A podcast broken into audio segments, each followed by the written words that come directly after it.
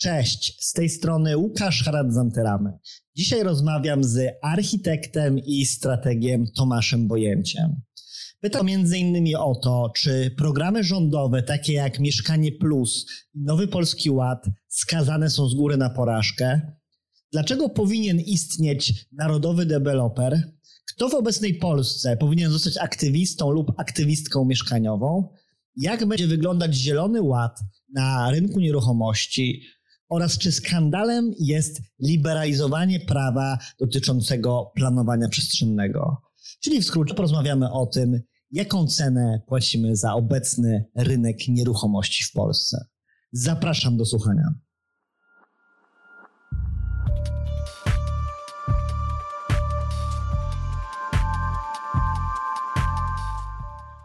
Słuchasz programu Miasto Ranek czyli rozmów o miejskiej codzienności.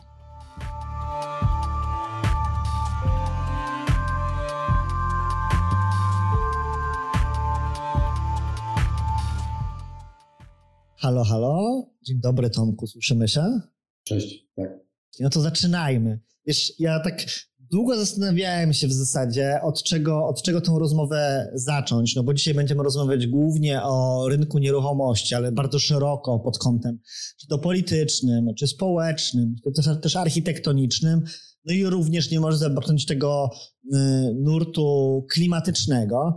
No ale nie chciałem zacząć bezpośrednio od tego. No i tak zacząłem myśleć o pozytywnych rzeczach, które się dzieją. I niestety dzieją się same negatywne rzeczy, zarówno w Polsce, jak i na świecie, więc trudno mi to było wybrać, ale wtem padłem na pomysł, że w sumie są jeszcze wakacje, więc to chyba taka pozytywna rzecz dla wielu.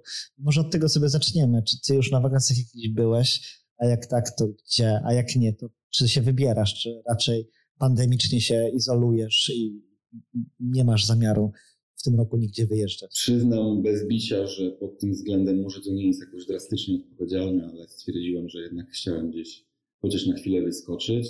E, charakterystycznie dla e, przedstawicieli tej branży pomyślałem, że dobrze było zobaczyć jakieś miasto, którego jeszcze nie widziałem, a ponieważ nie widziałem Barcelony, to zorganizowałem sobie takiego city breaka, no ale tak przy okazji, żeby nie być tak całkiem nieodpowiedzialnym, to ja już jestem zaszczepiony w każdą stronę, ile wlezie, także nie byłem, nie byłem dla nikogo zagrożeniem. Więc myślę, że e, jakbym miał coś powiedzieć na temat wakacji i wyjazdów, to wyjeżdżajmy, szczepmy się i wyjeżdżajmy e, i wszystko będzie, wszystko będzie super. To bardzo ładna zbitka, szczepmy się i wyjeżdżajmy, ja też ją serdecznie polecam. Ale pociągnę cię w takim razie jeszcze trochę za język o ten czas wolny, czy coś dobrego ostatnio w ramach może nie, nie, tylko przerwy wakacyjnej, ale czytałeś. Nie musi to być absolutnie literatura specjalistyczna, ale może masz coś do polecenia naszym widzą?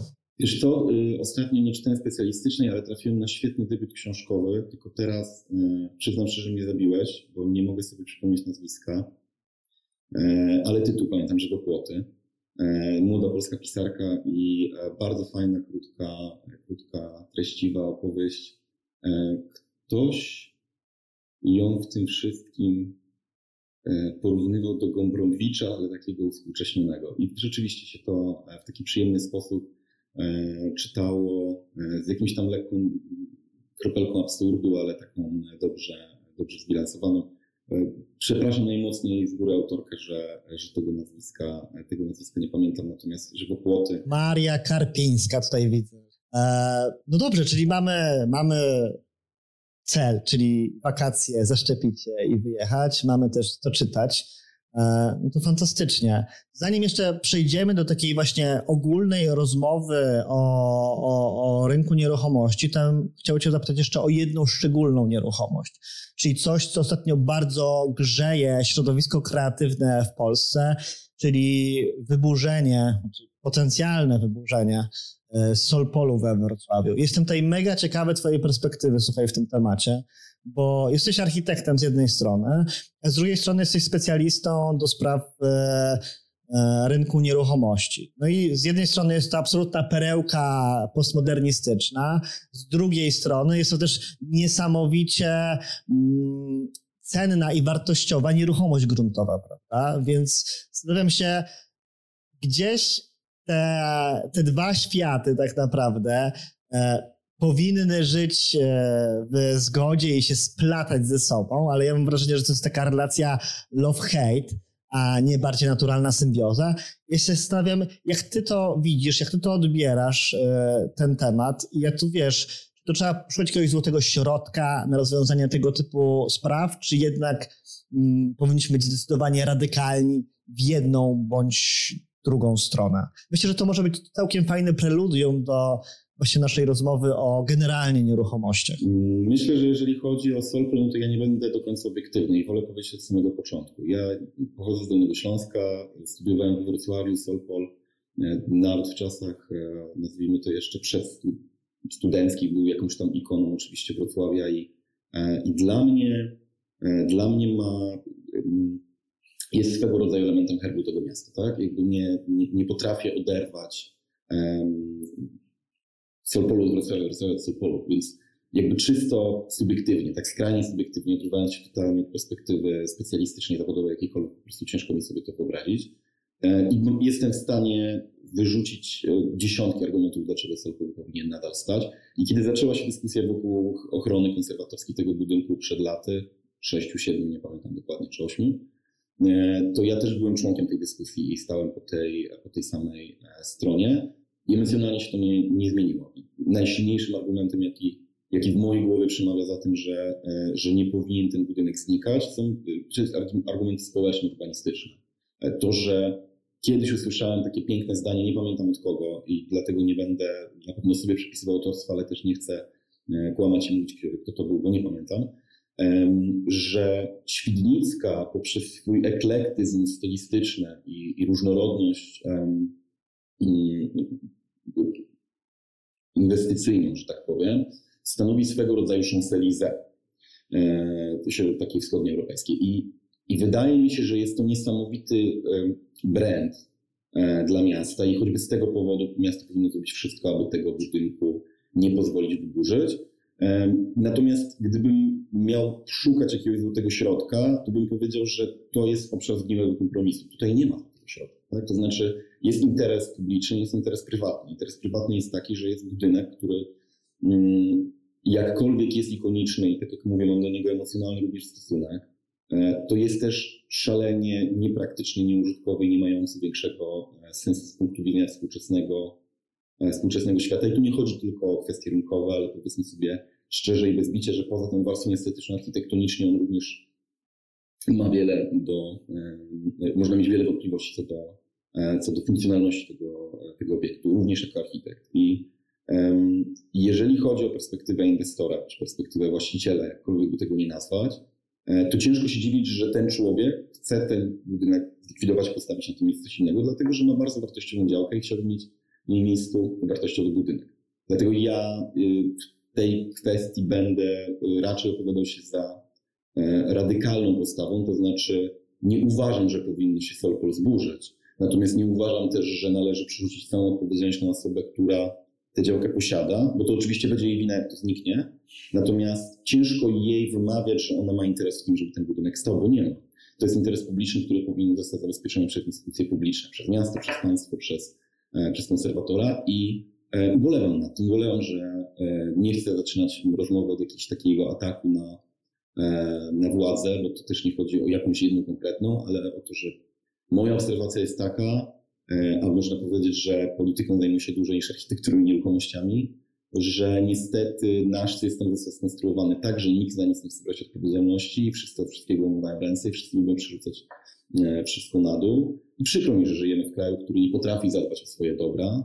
E, I zgadzam się z tym Snopkiem, może nie w całości z tym, co powiedział ostatnio na krytyki politycznej, natomiast e, z tą ogólną koncepcją, z tą ogólną myślą, że, że będziemy za Solpolem nie tyle tęsknić, co będziemy żałować, że to się tak skończyło, co do tego nie mam e, żadnych wątpliwości. Natomiast jednocześnie trzymam przynajmniej kciuki za to, że jeżeli to już musi się tak skończyć, bo pewnie się tak skończy, E, to mam nadzieję, że w tym miejscu po prostu powstanie coś, co przynajmniej funkcjonalnie będzie, mm, będzie nowym otwarciem dla tego miejsca i stanie się, e, stanie się jakąś odpowiedzią na to, że co prawda coś straciliśmy, ale też coś zyskaliśmy i że ten bilans zysków i strat e, będzie długoterminowo dla nas pozytywny, że będziemy mogli za nie wiem, 10 lat porozmawiać o tym, że okej, okay, szkoda Solpolu, bo był ikoną i dru, trudno drugiej takiej szukać właściwie w skali kraju.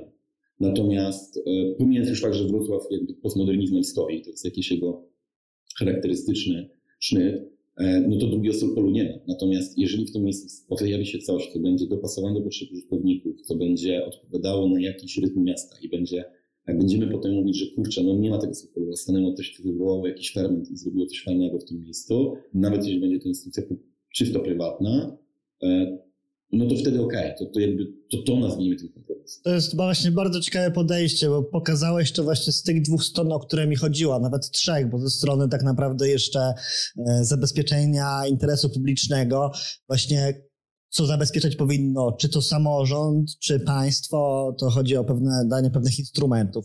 Do tego zaraz przejdziemy, bo myślę, że tutaj pola do konstruktywnej krytyki jest, e, jest bardzo dużo i trochę się popastwimy nad, nad tym, jak to funkcjonuje w dzisiejszej Polsce, ale też oczywiście nie, nie zostawimy tego tak po prostu. Nie? Jakby poszukamy też rozwiązań, żeby tutaj nie być tylko i wyłącznie osobami, które, które narzekają. Ale zanim do tego przejdziemy, to ja jeszcze proponuję, żebyśmy sobie zaczęli od takiego początku w kontekście, w kontekście właśnie budowania tej rozmowy i rozmawiania, rozmawiania o rynku nieruchomości. I chyba tym początkiem będzie to, żeby zastanowić się, jaka w zasadzie obecnie jest sytuacja na rynku nieruchomości. Bo z każdej strony słyszymy, że jest ogromna bańka, że po prostu to zaraz pęknie. No ale jak tak patrzymy, czy to pęka, czy nie pęka, no, no do końca nie pęka. Ja też przygotowując się do tej rozmowy i, i słuchając wielu analiz, mm, wyszło z tego, że wcale żadnej paniki nie ma i że nawet jesteśmy obecnie niedoszacowani w dół, e, że te nieruchomości powinny być jeszcze droższe. No ale to jest jakby, wiesz, e, obserwacja moja z podcastów i filmików na YouTubie.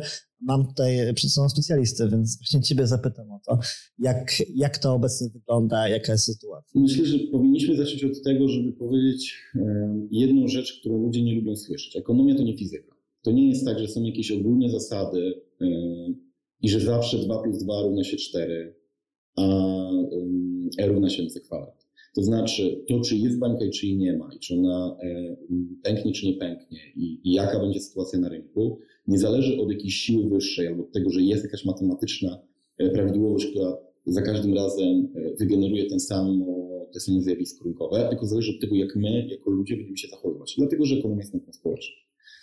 I tak jest również z rynkiem nieruchomości bo rynek nieruchomości, jak sama nazwa wskazuje, jest pojęciem, które jest jakby przypisane do e, koncepcji gospodarki monetarnej. Jest rynkiem. Więc e, czy dzisiaj jest bańka, e, czy jej nie ma, to, to nie jest tak, że z każdej strony, powiedzieć, że z każdej strony dzisiaj mówi się o tym, że jest bańka i że ona zaraz pęknie. Tak? To jest nie do końca prawda, dlatego że jest bardzo wielu ludzi, którzy uważają, że bańki nie ma, że nie będzie, co więcej, niestety, niestety, e, na rynku jest bardzo dużo takiej narracji wprowadzającej w błąd ludzi, którzy nie mają kompetencji, nie tylko nieruchomościowych, ale jakby w ogóle niewiele e, wiedzą o tym, jak działa, jak działa budownictwo, jak działa rynek i wmawia im się, że nieruchomości nigdy nie tanieją. I oszukuje się ich co do tego, że nie było takiego momentu w historii, żeby, żeby nieruchomości taniały nawet terminowo. Jeżeli chodzi o długoterminowe spojrzenie na wartości nieruchomości, bo rozumiem, że rozmawiamy głównie o mieszkaniach, bo to jest pewnie główny obszar i Twojego pytania i zainteresowania e, słuchaczy, mm, to można powiedzieć z całą odpowiedzialnością, że długoterminowo mieszkania prawdopodobnie nadal będą rosły, dlatego że rzeczywiście biorąc pod uwagę naszą lokalizację, sytuację gospodarczą, długofalową, e, relacje, potencjalne relacje gospodarcze, to wszystko oczywiście znowu zależy od władzy, od pewnych czynników, które też nie są matematyczne, nie, ale co do zasady można raczej podejrzewać, że ceny nieruchomości długoterminowo będą rosły. Ale to nie znaczy, że nie będzie w międzyczasie spadku. I o tym najlepiej mówi i najlepiej to pokazuje w taki sposób, który jest geometryczny i czytelny e, wykres krzywej Kuznetsa, e, takiego znanego ekonomisty, który pokazał, że rynki fluktuują, to znaczy, że nawet te, które mają zasady charakter wzrostowy, mają okresy spadków i wzrostów. W przypadku nieruchomości szczególnie na rynkach rozwijających się tak jak jest u nas, e, bo nadal jesteśmy rozwijający się, mimo że weszliśmy już na ten etap, że nazywanie jesteśmy raczej rynkiem rozwiniętym, bo to nadal jesteśmy w etapie wzrostowym, więc e, jakby ceny e, nieruchomości, dóbr konsumenckich, one rosną, po czym następuje korekta bądź wyraźniejszy spadek w zależności od tego, w jakich sytuacjach globalnych gospodarczych następuje ta zmiana, więc ceny się cofają, po czym znowu wracają do tego samego poziomu. Teraz problemem nie jest to, że one się cofają i rosną, tylko to, w którym momencie my decydujemy się na to, że chcemy nieruchomość nabyć e, i na jakich warunkach ją nabywamy i na czym my liczymy w zamian za to, że ją nabyliśmy. Czy my czujemy się bezpiecznie, e, czy w odpowiednich warunkach się zabezpieczyliśmy finansowo, czy to jest kredyt, nie kredyt i tak dalej. Więc dochodzi do tego kwestia tego, że spadki nie następują w takiej samej dynamice co wzrosty, więc rośnie pomału, po czym zaczyna rosnąć szybciej i nagle spada. I znowu rośnie najpierw pomału, potem szybciej i nagle spada. I wyczucie tego momentu, że zaraz spadnie i trzeba sprzedać, albo lepiej nie kupować i zaczekać, jest bardzo trudne, bo gdyby to było proste, to ten mechanizm następowałby po innej krzywej, dlatego że ta krzywa jest wynikiem społecznych zachowań, a nie um, jakąś odgórną siłą. Tak? Czyli to, że nagle zaczyna mocniej rosnąć, a potem mocno spada, wynika z tego, jak my się zachowujemy najpierw rośnie pomału, bo jesteśmy po jakiejś zmianie, po tym, że było załamanie powiedzmy 2008-2009 roku. Więc ceny zaczęły wzrastać pomału. Po czym w pewnym momencie, kiedy ceny rosną długo, to następuje, yy, przyznam bez bicia, że nie pamiętam jak to się nazywa, bo to ma swoją nazwę, ale następuje takie wyobrażenie niezapadalności rynków w oczach społecznych. I wtedy ludzie w większości, jako społeczeństwo, mamy wrażenie, że to już tak długo rośnie, że to już nie może spać. No co, co jest oczywiście jakby, jak się dłużej nad tym zastanowić, to dociera do nas, że jest w tym pewne doza absurdu, no bo skoro bardzo długo rośnie, to raczej znaczy, że w końcu spadnie. Ale kiedy myślimy sobie, zaraz spadnie, to oczekujemy tego now, nie? jakby myślimy sobie, to jutro. E, I to, co się na przykład dzisiaj dzieje na rynku nieruchomości, i myślę, że o to też pytałeś w kontekście pandemicznym, to jest dokładnie ten mechanizm, czyli był spadek 2008-2009 roku, u nas ten spadek też nie był tak geometryczny jak na zachodzie, o czym warto pamiętać, bo my realnie zaczynaliśmy dotykać e, szczytów cenowych no mniej więcej w tamtym okresie, ale potem jakby to fluktuowanie było takie, to nie była taka prosta linia, ona była taka krzywa, tak? My się różne rzeczy działy do 2014. Od 14 do teraz, przez ostatnie 7 lat mamy ciągłe wzrosty. Przez ostatnie półtora roku, właściwie dwa lata, te wzrosty nabrały już tego geometrycznego e, zacięcia. I one nabrały właśnie paradoksalnie przed pandemią, dyskutowaliśmy w środowiskach, e, nazwijmy to ekonomiczno-nieruchomościowych, szeroko, e, o tym, czy już jest bańka, czy nie ma bańki, czy jest zagrożenie bańką, czy go nie ma. E, I, i było to bardzo podzielone. Tak? Pierwsza reakcja, to czego mogliśmy się spodziewać, po, oczywiście znowu to zależało od tego, jak się zachowają ludzie, ale braliśmy pod uwagę po tym, jak nastąpił COVID, że możliwe, że jest to zdrowa korekta, która zatrzyma potencjalne rodzenie się banki, że zatrzyma ceny przynajmniej na jakiś czas.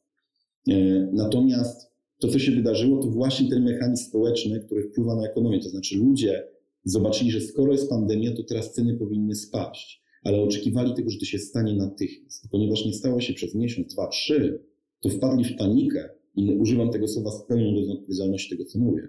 Wpadli w panikę, że te ceny już nie spadną, bo skoro nawet w covid nie spadną, to już nie spadną.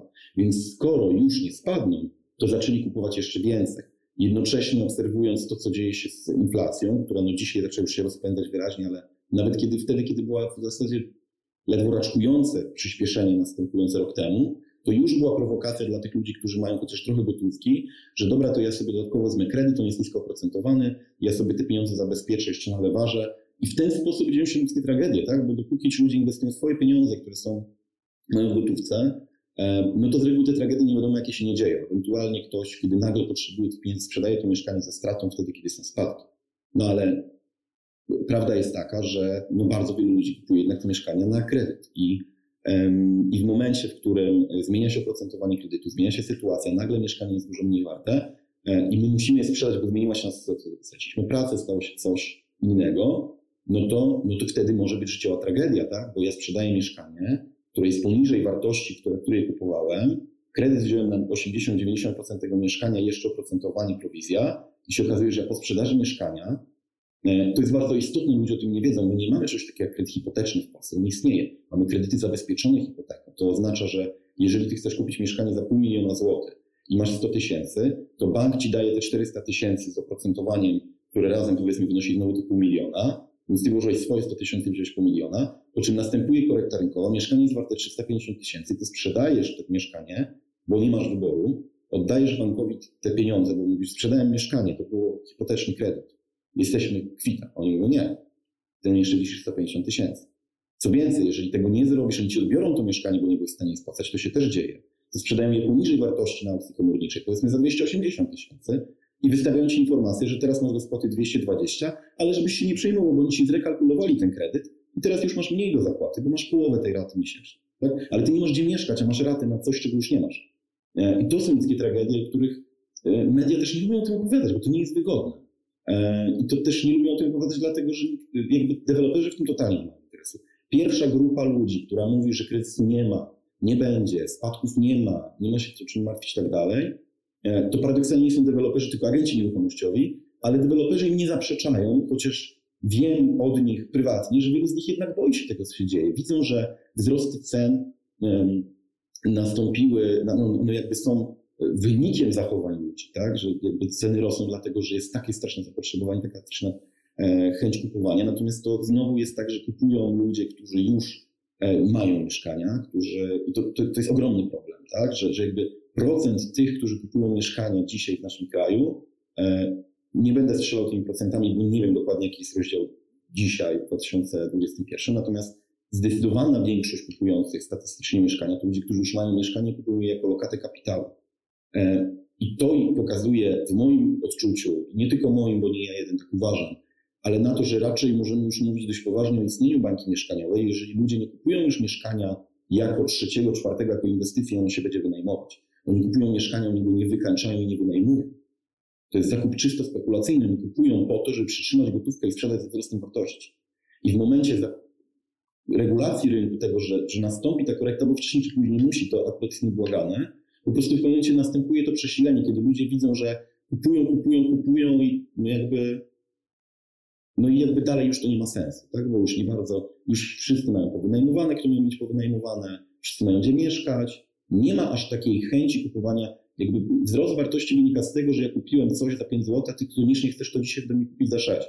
E, natomiast jeżeli ty nie będziesz koniecznie chciał ode mnie kupić za 6, tylko ja będę musiał zaczekać rok, żeby to było warte 6, no to jeszcze jest nieźle, bo to jest 20% wzrostu wartości, nie? Ale jeżeli ja będę miał coś za 100 zł, a ty będziesz chciał to kupić za 101 za rok, to ten wzrost wartości zacznie spadać i przestanie mnie interesować kupowanie kolejnych. E, a jeszcze, jeżeli cokolwiek się stanie z moją pracą, to ja będę chciał się tego pozbyć. E, I w razie czego będzie tak, że będę chciał się tego pozbyć szybciej niż powinienem. I jeżeli ja zacznę wykonywać te nerwowe ruchy, takich jak ja będzie multum, no to to spowoduje załamanie rynku. Czyli to, czy jest kryzys, czy nie ma kryzysu, to nie jest e, palec boski, to nie jest podmuch wiatru, to, to nie jest nawet, e, tak jak powiedziałem, wzór, który można zapisać i wyciągnąć z tablicy SI. To jest ludzkie zachowanie. Jeżeli my się będziemy podejmować decyzję o tym, że koniecznie dzisiaj wszyscy musimy mieć swoje mieszkania, bo jak my nie będziemy mieć mieszkania, to one zaraz będą jeszcze droższe. I nie zwracamy uwagi na to, że ok, mieszkania długoterminowo rosną, ale rosną też nasze pensje. Ja wiem, że oczywiście nie współmiernie do tego, czego byśmy oczekiwali. Jasne, że tak. Natomiast one jednak rosną i to, że my, ja dzisiaj mam 30 lat, mówię sobie, e, ja koniecznie dzisiaj muszę kupić mieszkanie, bo ono kosztuje tyle, a jak będę miał 35, to ono może kosztować więcej, no to ja też będę inaczej zarabiał. I raz, że ja będę inaczej zarabiał, dlatego że ja będę na innym etapie rozwoju zawodowego, tak? Bo przyjmijmy, że jestem na etacie w pracy, po prostu będę na innym etapie, będę więcej zarabiał, będzie mi łatwiej e, włożyć to w swoją w swój budżet, będzie mi łatwiej wziąć kredyt na krótszy okres, będzie łatwiej odłożyć na wkład własny, który będzie większy i tak dalej. A druga sprawa jest taka, że będę też lepiej zarabiał przez po prostu rozwój gospodarczy, który powiedzmy, że pewnie nie jest najlepszym wskaźnikiem. Ja też uważam, że, że nie powinniśmy wszystkiego przez ten pryzmat e, oceniać e, i, i daleko mi do takiej czysto neoliberalnej narracji. Natomiast, natomiast mimo wszystko no, faktem jest rzeczywiście ciężko nie dostrzec tego, że ludzie zarabiają lepiej w sensie nominalnym i to szybciej niż następuje inflacja. Tak? Więc jednak ten wzrost wartości gdzieś tam E, następuje. E, I ostatnią rzecz, bo podejrzewam, że, e, że i tak za długo to, to omawiam. Nie, spokojnie, mów, mów, mów, bo to jest, to jest bardzo ciekawe i mi się od razu tutaj mnóstwo pytań kołacze, ale czekam aż, aż skończysz opowiadać, bo to jest naprawdę ciekawe. No. Że trafiłeś na informację o tym, że nasz rynek jest niedoszacowany i myślę, że to jest dość duży skrót myślowy, dlatego się będę naprostować. Istotnie, biorąc pod uwagę naszą lokalizację geopolityczną, również na mapach relacji w każdym innym sensie, e, to należy spodziewać się, że my w perspektywie długoterminowej, 20-30 lat powiedzmy, e, będziemy doganiać Zachód również z tym, jak wyglądają ceny nieruchomości. I dzisiaj nie sposób nie zauważyć tego, że jest pewna, pewne rozdarcie, które pokazuje, że Niemcy przykładowo mają średnią stawkę najmu podobną do Polaków i to nie w sensie ze, zmian, ze zmianą waluty, tylko u nas jest tam, nie wiem, 2,5 tysiąca, u nich jest te 600 czy, czy 700 euro. To rzeczywiście są gdzieś tam zbliżone kwoty. Natomiast ceny nieruchomości są 2 i powiedzmy wyższe, 2,2 mniej więcej. Tak? E, I należałoby pomyśleć, no tak, no to u nas ceny nieruchomości będą rosły i będą gonić te, e, te w Niemczech. To prawda, i będą, tylko że jednocześnie nie należy spodziewać się, nie należy uspokajać się tym, że, że warto kupić teraz koniecznie, bo to będzie jeszcze rosło do tego berlińskiego standardu, bo jednak czy niemieckiego szeroko pojętego, bo trzeba zwrócić uwagę na to, jakie też są zarobki e, w tych krajach. Tak? To znaczy oni zarabiają 2,5 razy więcej, a za mieszkanie płacą 2,2 razy więcej, czy tam 2 razy więcej, więc realnie to mimo, że te mieszkania są dwa razy droższe i nasze też będą dążyć w tę stronę, to ich jednak stać na więcej mieszkania niż nas. Statystycznie, oczywiście ja wiem, że statystycznie jak jesteśmy e, my obaj, no to, e, to mamy dwie pary okularów i pokój brody, nie? Ale jakby bardziej chodzi o to, żeby rozumieć, że, że te wzrosty, chociaż pewnie nie wiem, czy są nieubłagane, bo to wszystko zależy od tego, znowu, ludzkich zachowań i decyzji, czy my zostaniemy w tym systemie gospodarczym, nie jako kraj, bo tutaj raczej ciężko by było się wyrwać, ale jako społeczeństwo e, globalnie. I możliwe, że my za, za jakiś czas będziemy rozmawiać o zupełnie innych problemach i w ogóle, e, nie wiem, moja praca przestanie mieć jakikolwiek sens, bo wyjdziemy jakby z tego systemu gospodarczego. Ja tego nie jestem w stanie przewidzieć, dlatego, że to nie będzie moja decyzja i dlatego, że to nie jest matematycznie, to nie to jest, to jest myślę, że niewiele bardziej przewidywalne niż pogoda.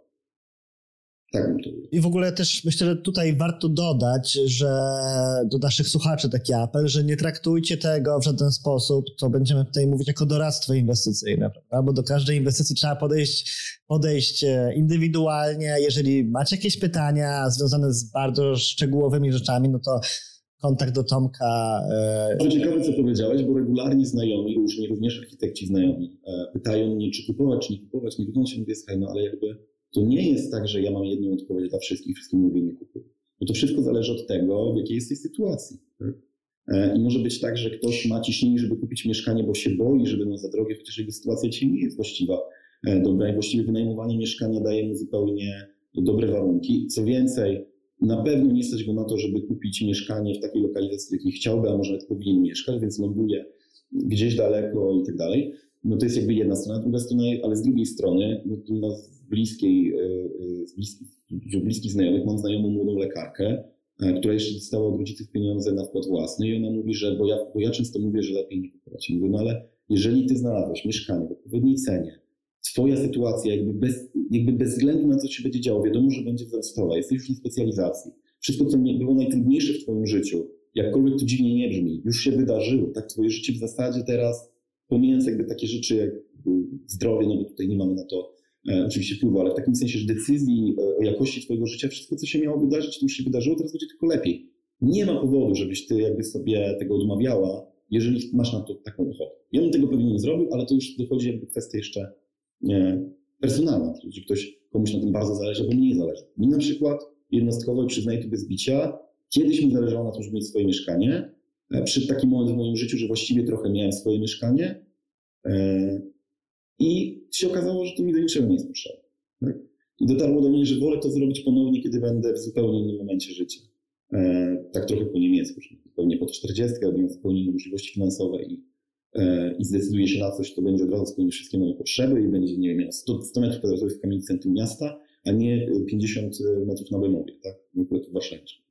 Więc to jest, e, to jest bardzo jednostkowa kwestia, dlatego absolutnie masz rację i dobrze o tym powiedzieć. Nie traktujcie Państwo tego jako doradztwo inwestycyjne, bo tak jak mówię, no po prostu to jest jak i, i, ile osób, tyle, tyle sytuacji, czasami nawet więcej niż jeden do Otóż to. Za chwilę też zresztą myślę, że porówna, porozmawiamy sobie o tym, żeby porównać właśnie najem a zakup, bo to też jest, jest bardzo, bardzo myślę, że nawet może nie duża dyskusja wokół tego, ale po prostu jest to temat, który, który pali, pali wielu. Ale wspomniałeś, chciałbym tego COVID-u jeszcze na chwilkę wrócić. Wspomniałeś, że jednym z czynnikiem, który był widoczny w ramach COVID-u, to właśnie to, że ludzie zobaczyli, że nieruchomości nie tanieją, więc zaczęli tym samym kupować więcej. Czy możemy obserwować jeszcze jakieś inne e, zmiany na rynku nieruchomości spowodowane koronawirusem? Czy to jeszcze za wcześnie, żeby to oceniać w jakikolwiek taki rozsądny sposób? Nie, no trochę, trochę zmian, y, jakby patrzeć szerzej na rynek nieruchomości, tylko na mieszkania, to, to tych zmian jest y, dość dużo. Mm, chociaż na razie to wszystko traktował w kategorii zalążków. Właśnie tu ja się tutaj wtrącę, to są takie zmiany, które tak jak na początku pandemii mówiliśmy, że to jest nowa normalność, wywrócenie rzeczywistości do góry nogami. Czy, je, czy, czy jest to bardziej rewolucja, czy ewolucja? Nie, to jest. Yy, hmm, nazwijmy to ewolucyjną rewolucją. Ostatnio, ostatnio z kimś o tym rozmawiałem i przyszło mi do głowy takie dość drastyczne porównanie, ale wydaje mi się, że nas trafne. Yy, kiedy dzieją się rzeczy trudne, to wydaje nam się, że one w czasie, kiedy się dzieją, zmieniają cały świat.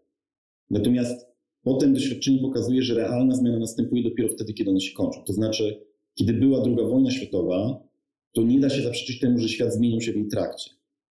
Natomiast to był permanentny okres, permanentny stan e, konfliktu, w którym się znajdowaliśmy jak globalnie. I w momencie jego zakończenia realne zmiany gospodarcze, decyzje, e, nowe zasady, nowa normalność ówcześnie była kształtowana dopiero przez kilka lat po zakończeniu wojny, a nie przez sam okres wojny. I to nie jest tak, że jak się wojna kończyła, to już wszystko było wiadomo, że teraz to świat będzie wyglądał tak? Tylko to, jak, wygląda, jak zbudowano gospodarkę na przykład, to tak naprawdę, i to nawet nie mówię o współczesnej gospodarce, bo ona już jest e, permutacją z lat 70., ale mówiąc o tej gospodarce, o której mówimy o tych najlepszych czasach, nie wiem, Stanów Zjednoczonych lat 50. na przykład, najlepsze oczywiście dla kogo, ale oderwijmy się na chwilę od, od takich e, kwestii, E, w sensie, że, że, że przeciętnego Amerykanina było stać na to, żeby jedna osoba w domu pracowała, z reguły to mężczyzna, mieszkać w domu na przedmieściach, który był spłacony, mieć dwa samochody, dzieci biegały do szkoły, jakby on pracował te parę godzin dziennie, wszystko było ok.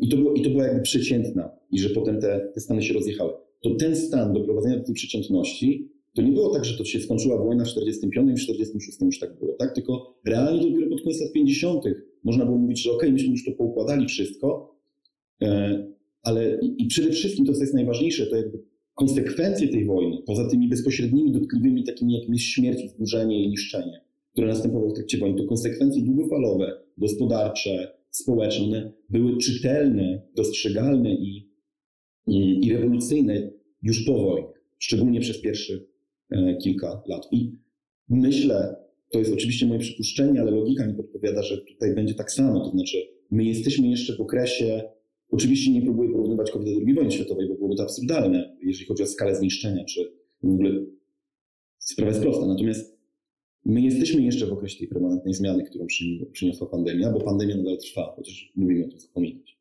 E, I my tak naprawdę jeszcze dzisiaj jesteśmy na etapie, że dzieje się, na razie widzimy to, co jest rewolucją y, taką bezpośrednio, natomiast teraz, kiedy to się skończy, teraz, czyli za jakiś czas, bo mam nadzieję, że E, że niedługo będziemy mówić o tym, że pandemia jest już naprawdę w odwrocie, a nie tak jak panu się premierowi wydawało, e, to będziemy obserwować, jakie realne zmiany długofalowe przyniesie pandemia, bo ludzkie zachowania przestaną być e, definiowane, czy nawet predefiniowane poprzez to, co dzieje się dziś, ale staną się jakby tą rzeczywistą nową normalnością. Czy ona będzie odmienna od tej starej normalności i w jakich obszarach będzie odmienna, to my tego dzisiaj jeszcze nie wiemy.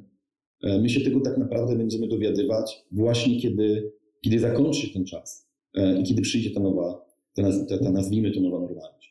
I e, patrząc po rynku nieruchomości, to rzeczywiście ludzie, tak jak z tymi cenami mieszkań, tak, jakby nastąpi, przyszła pandemia, więc mieli takie poczucie, że aha, no to teraz będą spadać ceny, to trzeba tylko 2-3 miesiące poczekać. Ja mam wśród znajomych relatywnie bliskich taką osobę, która pracuje bardzo wysoko E, sprzedaży mieszkań e, deweloperskich u, u konkretnej firmy i, e, i ona mi opowiadała, że mi taką sytuację, że potrafił do nich dzwonić klient i mówić tak, to ja wezmę to mieszkanie, ale ja chcę tam nie, nie za 13, tylko za 10 tysięcy metra, cztery miejsca parkingowe za darmo i coś tam. No i on dostał komunikat, że no, jakby nie, nie. To jeszcze na nich krzyczał i mówił, to zobaczymy, jak będziecie mówić we wrześniu i się rozłączy. Po czym dzwonił dwa tygodnie później, bo w maju, zeszłego roku i mówił, że no, że on to przemyślał, może trochę przesadził, a oni mówili, wie pan co, ale tego mieszkania już nie ma. I on mówił, ale jak to? Przecież jest pandemia.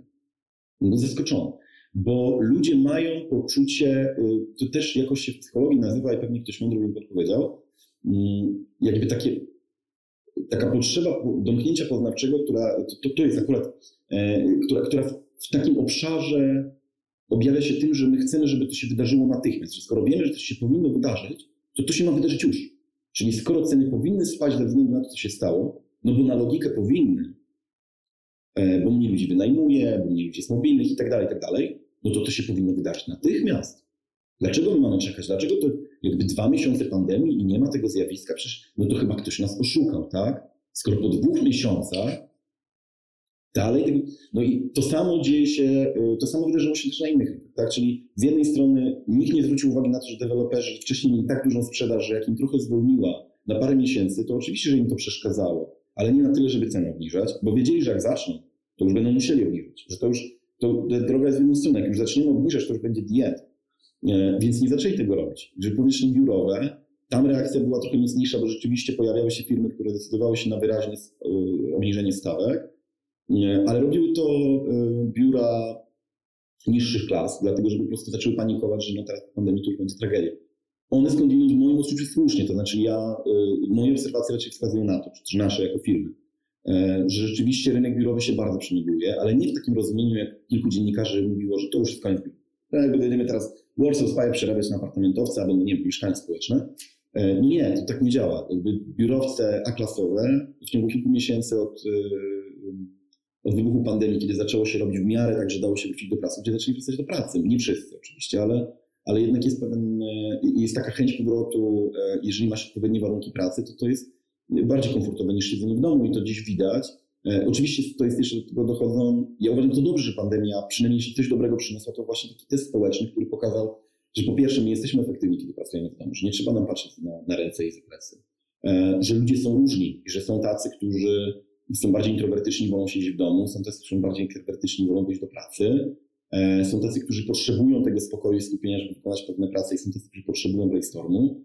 Albo nawet tak, że y, pokazało coś, co mi zawsze przeszkadzało na rynku pracy i uniemożliwiało mi faktycznie funkcjonowanie w roli pracownika i dość szybko musiałem zdecydować się na samodzielność, dlatego że ja y, nie do końca potrafię pracować w takich regulowanych godzinach 9-17. Czasami pracuję od 6 rano, no tak, a innego dnia zacznę pracę o 15, bo tak mi się ułoży i tak mam. I jakby y, pandemia udowodniła, że takich ludzi jak ja jest więcej, że nie ma w tym nic złego, bo na koniec dnia, bo na koniec tygodnia dowieźli, to mieli dowieść, a może nawet zrobili to lepiej, skuteczniej, szybciej i bardziej wypoczęci.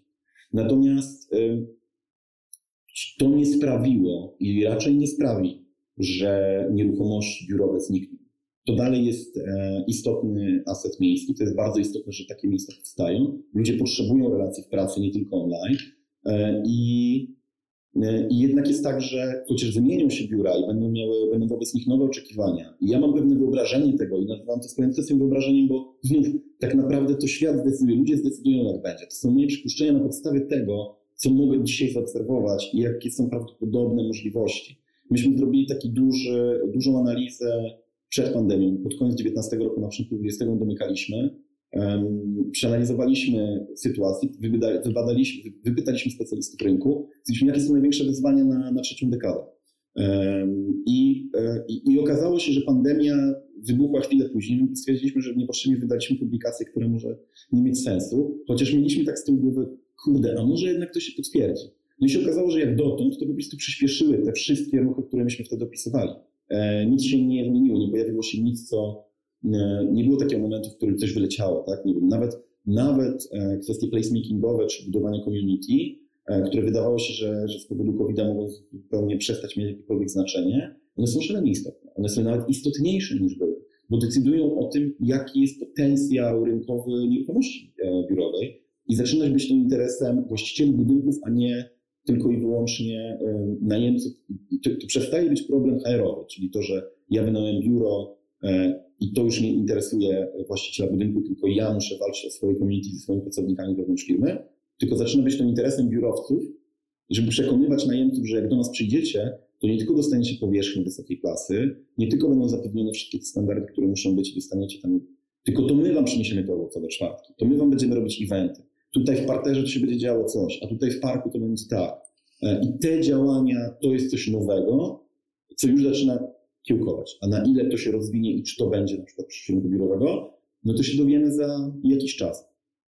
I teraz te same pytania można zadać do każdego, pewnie mógłbym tak teraz gadać godzinę tylko o tym, więc yy, wolę to, to przyciąć. Te same pytania możemy zadać do każdego sektora.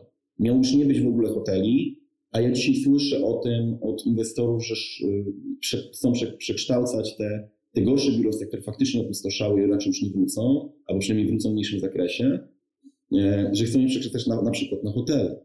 E, bo jednak to nie jest do końca prawda, że one są niepotrzebne, tak? że ludzie już nie podróżują. Zarówno te biznesowe, jak i te turystyczne są szalenie potrzebne.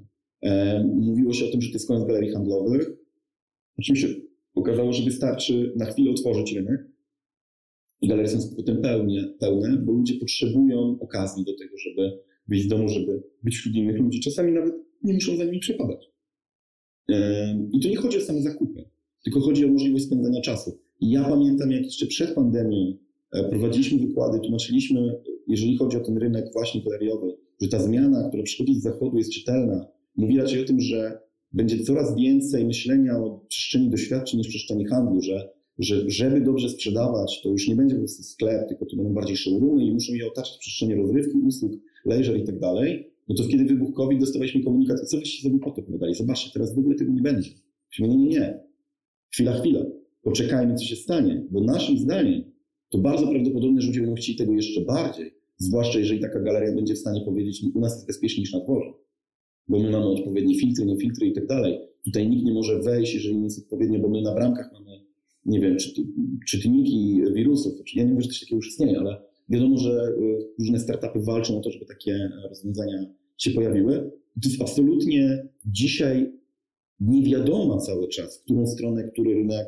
W sensie możemy raczej mieć pewne podejrzenia, E, I rozsądne jest to, że ponieważ no, tak z pogodą, nie wiem, czy wiecie Państwo, jak się pogodę ocenia, to dzisiaj oczywiście już jest trochę inaczej, bo narzędzia są coraz lepsze, ale ja pamiętam, jak kilkanaście lat temu zainteresowałem się meteorologią, to dowiedziałem się, że realnie my możemy ocenić rzeczywiście, jaka będzie pogoda na trzy godziny wstecz. A wszystko, co jest dalej, to jest spekulacja na podstawie analizy danych, które do tej pory po, pogody i tego, jaka była pogoda przez minione 100 lat na przykład, w sytuacjach, w których była tak, taka temperatura, E, taki, taka pora roku, takie ciśnienie, tak, tak, tak. I te wszystkie elementy sprawiają, że my wyciągamy prawdopodobnie to samo robimy z rękiem, tak? Bo to jest ten sam mechanizm. Czyli ja dzisiaj jestem w stanie powiedzieć, jak będzie prawdopodobnie, e, ale byłbym szalenie nieodpowiedzialny, gdybym powiedział, że to już na pewno tak I jakby to się nie zmieni, to się zmieni, to będzie tak, nie będzie tak. Po prostu, jeżeli ktoś Państwu coś takiego opowiada, gdziekolwiek, to znaczy, że cytując za jednym z byłych ministrów, e, albo jest głupi, albo nieodpowiedzialny. E, a Tomku, czy pandemia właśnie też nie pokazała tego, bo to bardzo jest słyszalne w środowisku architektonicznym, że projekty e, budynków różnorakich powinny móc być bardzo szybko przekształcane. Czyli na przykład, że przestrzeń biurowa może za chwilę stać szpitalem, przestrzeń eventowa może być wielkim centrum logistycznym, a przestrzeń hotelowa może stać się czymś innym. Czy coś takiego w ogóle obserwujemy, czy to jest po prostu jakieś takie, wiesz, przykazanie wśród architektów i architektyk?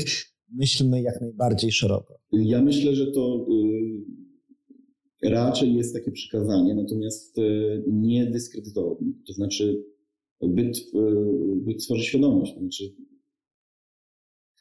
jeżeli architekci będą tak myśleć i zgodnie z tą myślą będą o tym mówić inwestorom, E, no to, to jakby pamiętajmy o tym, że e, największą wartością architektów e, paradoksalnie nie jest to, że potrafią postawić ściany, bo mówmy się, że to jest coraz prostsze i to jest coraz mniej jesteśmy do tego potrzebni.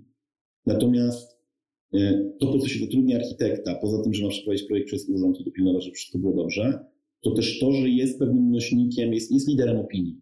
Tak? Architekci są liderami opinii, są, przyciągają ludzi, i ich opinie się liczą dla społeczeństwa. E, ja nie mówię, że każdy architekt przestał to być architektem. Oczywiście ten zawód został zdewaluowany przez ostatnie kilkanaście lat. E, I to już nie jest tak, jak było. Jak ja zaczynałem studia i się powiedziałem, że studiuję architekturę, to było jest. No dzisiaj, jak mówię, że jestem po architekturze, to słyszę, no tak, tak samo jak pięciu moich kolegów. Nie? Jakby to zupełnie się. Oczywiście ja też żyję w, pewnym, e, w pewnej ograniczonej bańce, o czym rozmawialiśmy, zanim weszliśmy na wizję, że, że jednak no żyjemy w bańkach, tak? Więc wiadomo, że wśród mojej bańki ludzi, ludzie są na pewnym etapie e, życia, w pewnym grupie wykształcenia i pewnej grupie społecznej i pewnie mają podobne poglądy i w podobny sposób wydają pieniądze, więc znają też podobnych ludzi o podobnej afiliacji. Jest zupełnie normalne. Natomiast to nie zmienia faktu, że y, obiektywnie należy dostrzec, że ten zawód zmienił charakter, co nie zmienia faktu, że nadal architekci są liderem opinii. I to, co mówią, ma znaczenie dla, e, dla, dla, dla ludzi. E, jeżeli będą głośno mówić, że musimy zadbać o to, żeby budynki były przekształcane, e, musimy pilnować tego, żeby takie, takie rzeczy działy się w odpowiedzialny sposób, to ta zmiana nastąpi. Natomiast to nie jest tak, że to jest jakaś silna potrzeba rynku, tak? bo z punktu widzenia dewelopera mieszkaniowego, szczególnie tego, który buduje na sprzedaż, to on buduje budynek, żeby sprzedać mieszkanie, jego potem to tak niespecjalnie obchodzi.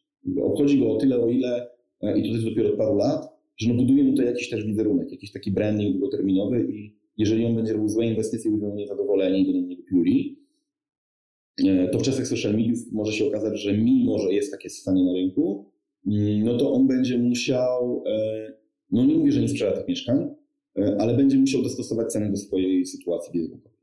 E, I będzie musiał liczyć się z tym, że, że ten proces sprzedaży będzie dłuższy, bo ludzie będą rozmawiać z nim, e, czyli jego pracownikami, sprzedawcami, oglądać te mieszkania, będzie wszystko ok, po czym będą sprawdzać te mieszkania w internecie, dowiedzą się, jaki ten deweloper jest, jakie są z nim problemy i musi wycofywać.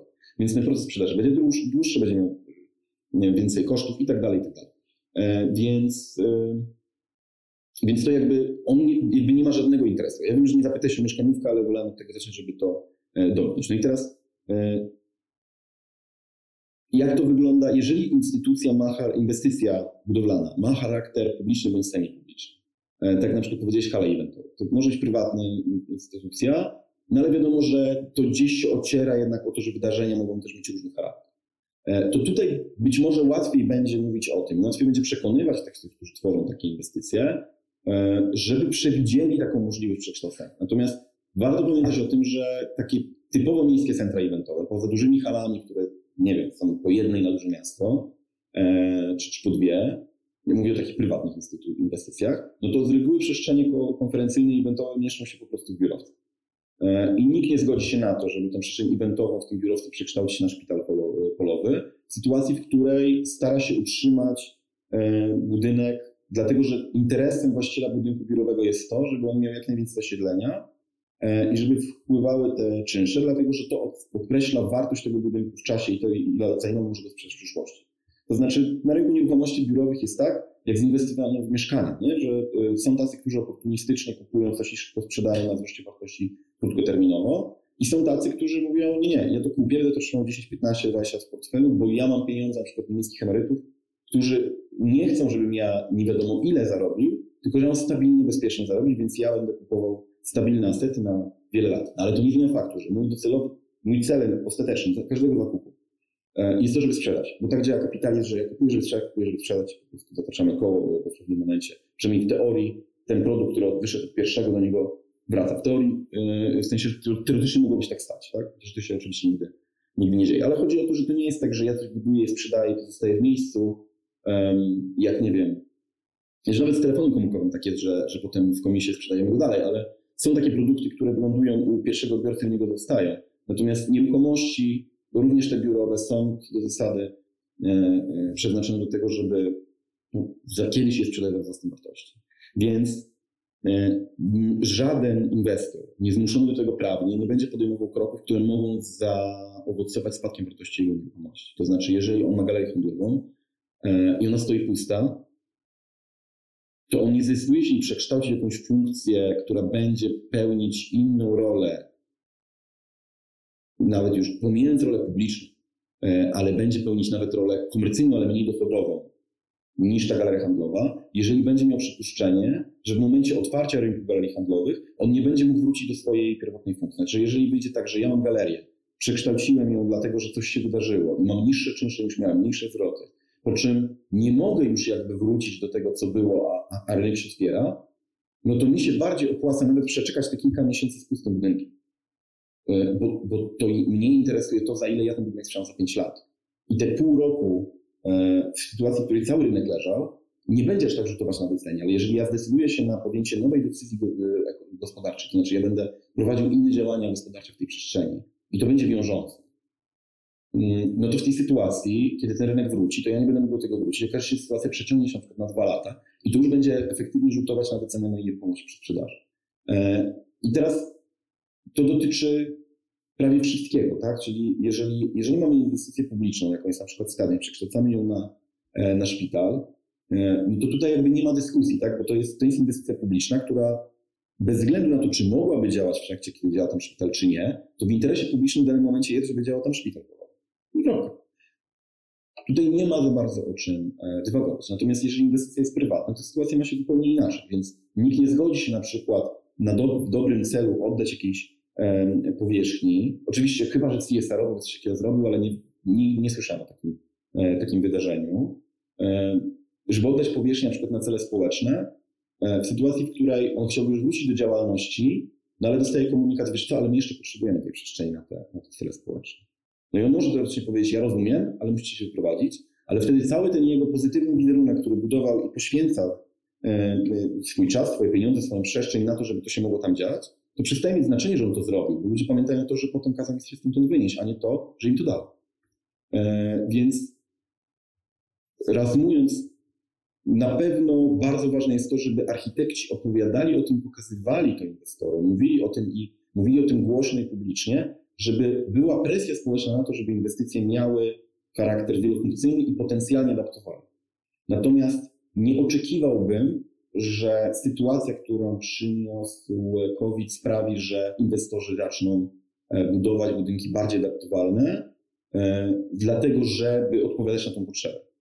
I jedyna ta, ten obszar, w którym powinniśmy wykonywać bardzo silny nacisk i oczekiwać rzeczywiście od inwestora, to obszar inwestora publicznego, który powinien dzisiaj powiedzieć, OK, ja już teraz wiem, że jak się harmonię, to ona musi być wybudowana tak, że jak przyjdzie taka sytuacja, gdzie oczywiście trzymamy kciuki, żeby się już więcej nigdy coś takiego nie wydarzyło, ale jeśli już przyjdzie, to żebyśmy mogli tego budynku korzystać. Nie chodzi o to, że on będzie pusty, czy nie będzie pusty, tylko żeby on przynosił jakąś wartość e, dodaną w czasie, kiedy, e, kiedy, kiedy jest, jest taka potrzeba, bo jest kosztem publicznym.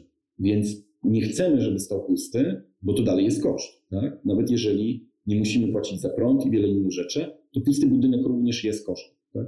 I tu, e, więc, więc skoro jest kosztem publicznym, to róbmy coś, żeby tym kosztem publicznym po prostu nie było. No I właśnie zostańmy przy tych kosztach publicznych i w ogóle przy publicznych pieniądzach i jeszcze dorzućmy do tego rynek mieszkaniowy, bo generalnie według różnych szacunków w Polsce brakuje, brakuje między 1,5 miliona a 5, a 5 milionów mieszkań, prawda?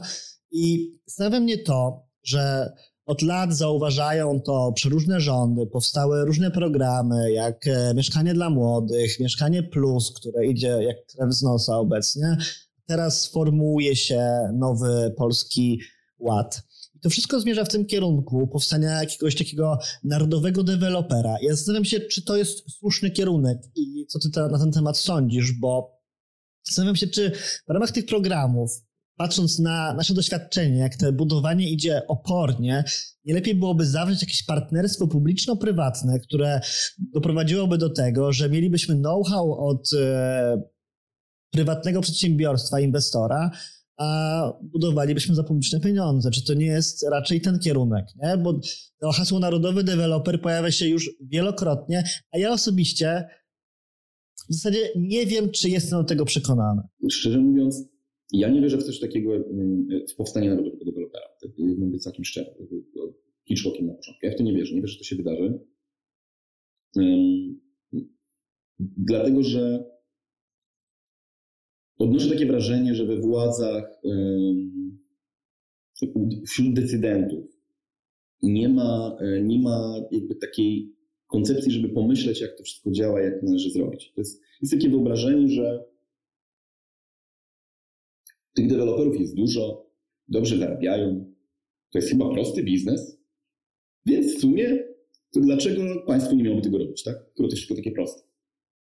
Zaczęło się od tego, że e, koncepcja Mieszkania Plus e, oparła się na takim fałszywym, bardzo fałszywym przekonaniu i braku jakichkolwiek analiz głębszych, że jeżeli my powiemy tym deweloperom, że my mamy te działki i że oni dostają te działki i mają tam coś wybudować i my za to zapłacimy, to oni to zrobią.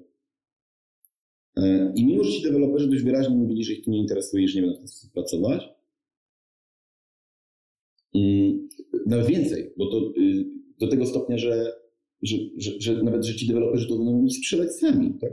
Nie, że my to, że oni to sprzedadzą, ale za cenę, którą my im powiemy. Tak? No I w sytuacji, w której deweloperzy nie muszą tego robić, bo mają co budować, i, i jakby ceny, które wyznaczają funkcjami rynkowymi, to znaczy są wieloma składowymi elementów. I oczywiście ja nie kwestionuję tego, że deweloperzy dobrze zarabiają i ten zwrot jest racjonalny, racjonalny. Jest wysoki, nadal, natomiast oni też mają takie poczucie, e, że zaczynali oczywiście od tego, że sprzedawali, liczyli ile kosztuje ich budowa metra, logistyka tej budowy, wszystko po kolei jakiś zysk, ale się okazało, że chętnych jest tak dużo, że mogli tą cenę podnosić. Oni się nauczyli w pewnym momencie budować no bardzo, może nie drogo, co bardzo atrakcyjnie, w tym sensie, że rzeczywiście majętność ludzi i, i, i, i możliwości jakby ceny nieruchomości jednocześnie e, i zainteresowanie tymi nieruchomościami rosło w takim tempie, e, że wyprzedzało bardzo mocno to, za ile oni kupowali te działki, jak są koszty budowy w pewnym momencie rzeczywiście oni zarabiali drugie tyle, za ile budowali, tak? W sensie 100% zarobić na, na.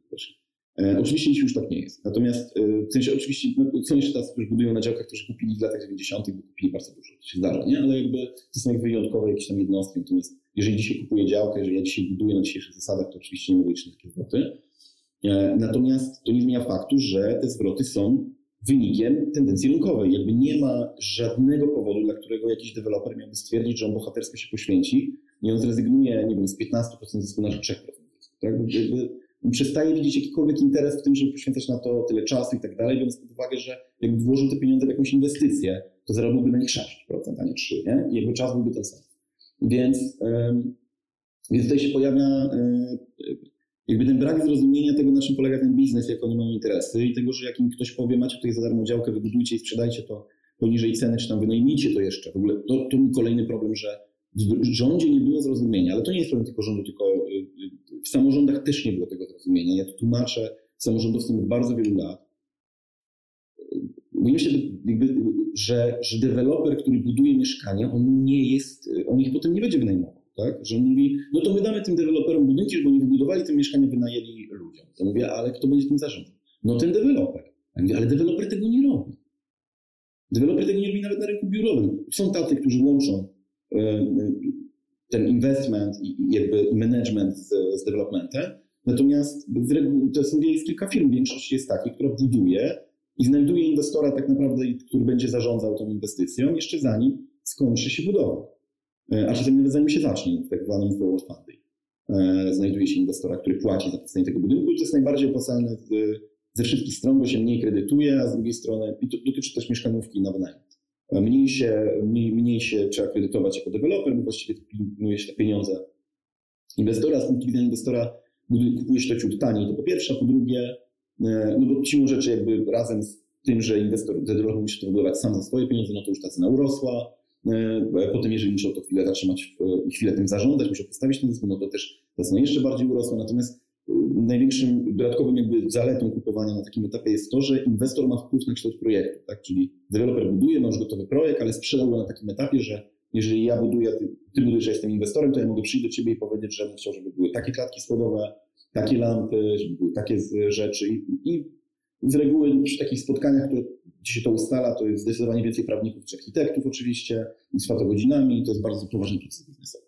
I tak mówię, dotyczy to również mieszkania na wynajem. Natomiast e, wracając do sedna, ani w rządzie, ani w samorządzie, i w ogóle w sektorze publicznym brak jest tam, gdzie nie na etap, etap decyzyjny to też, ale tam, gdzie, gdzie operacyjnie to trzeba wykonać, gdzie ludzie próbują sobie to wszystko wymyślić, e, czyli często są to po prostu urzędnicy.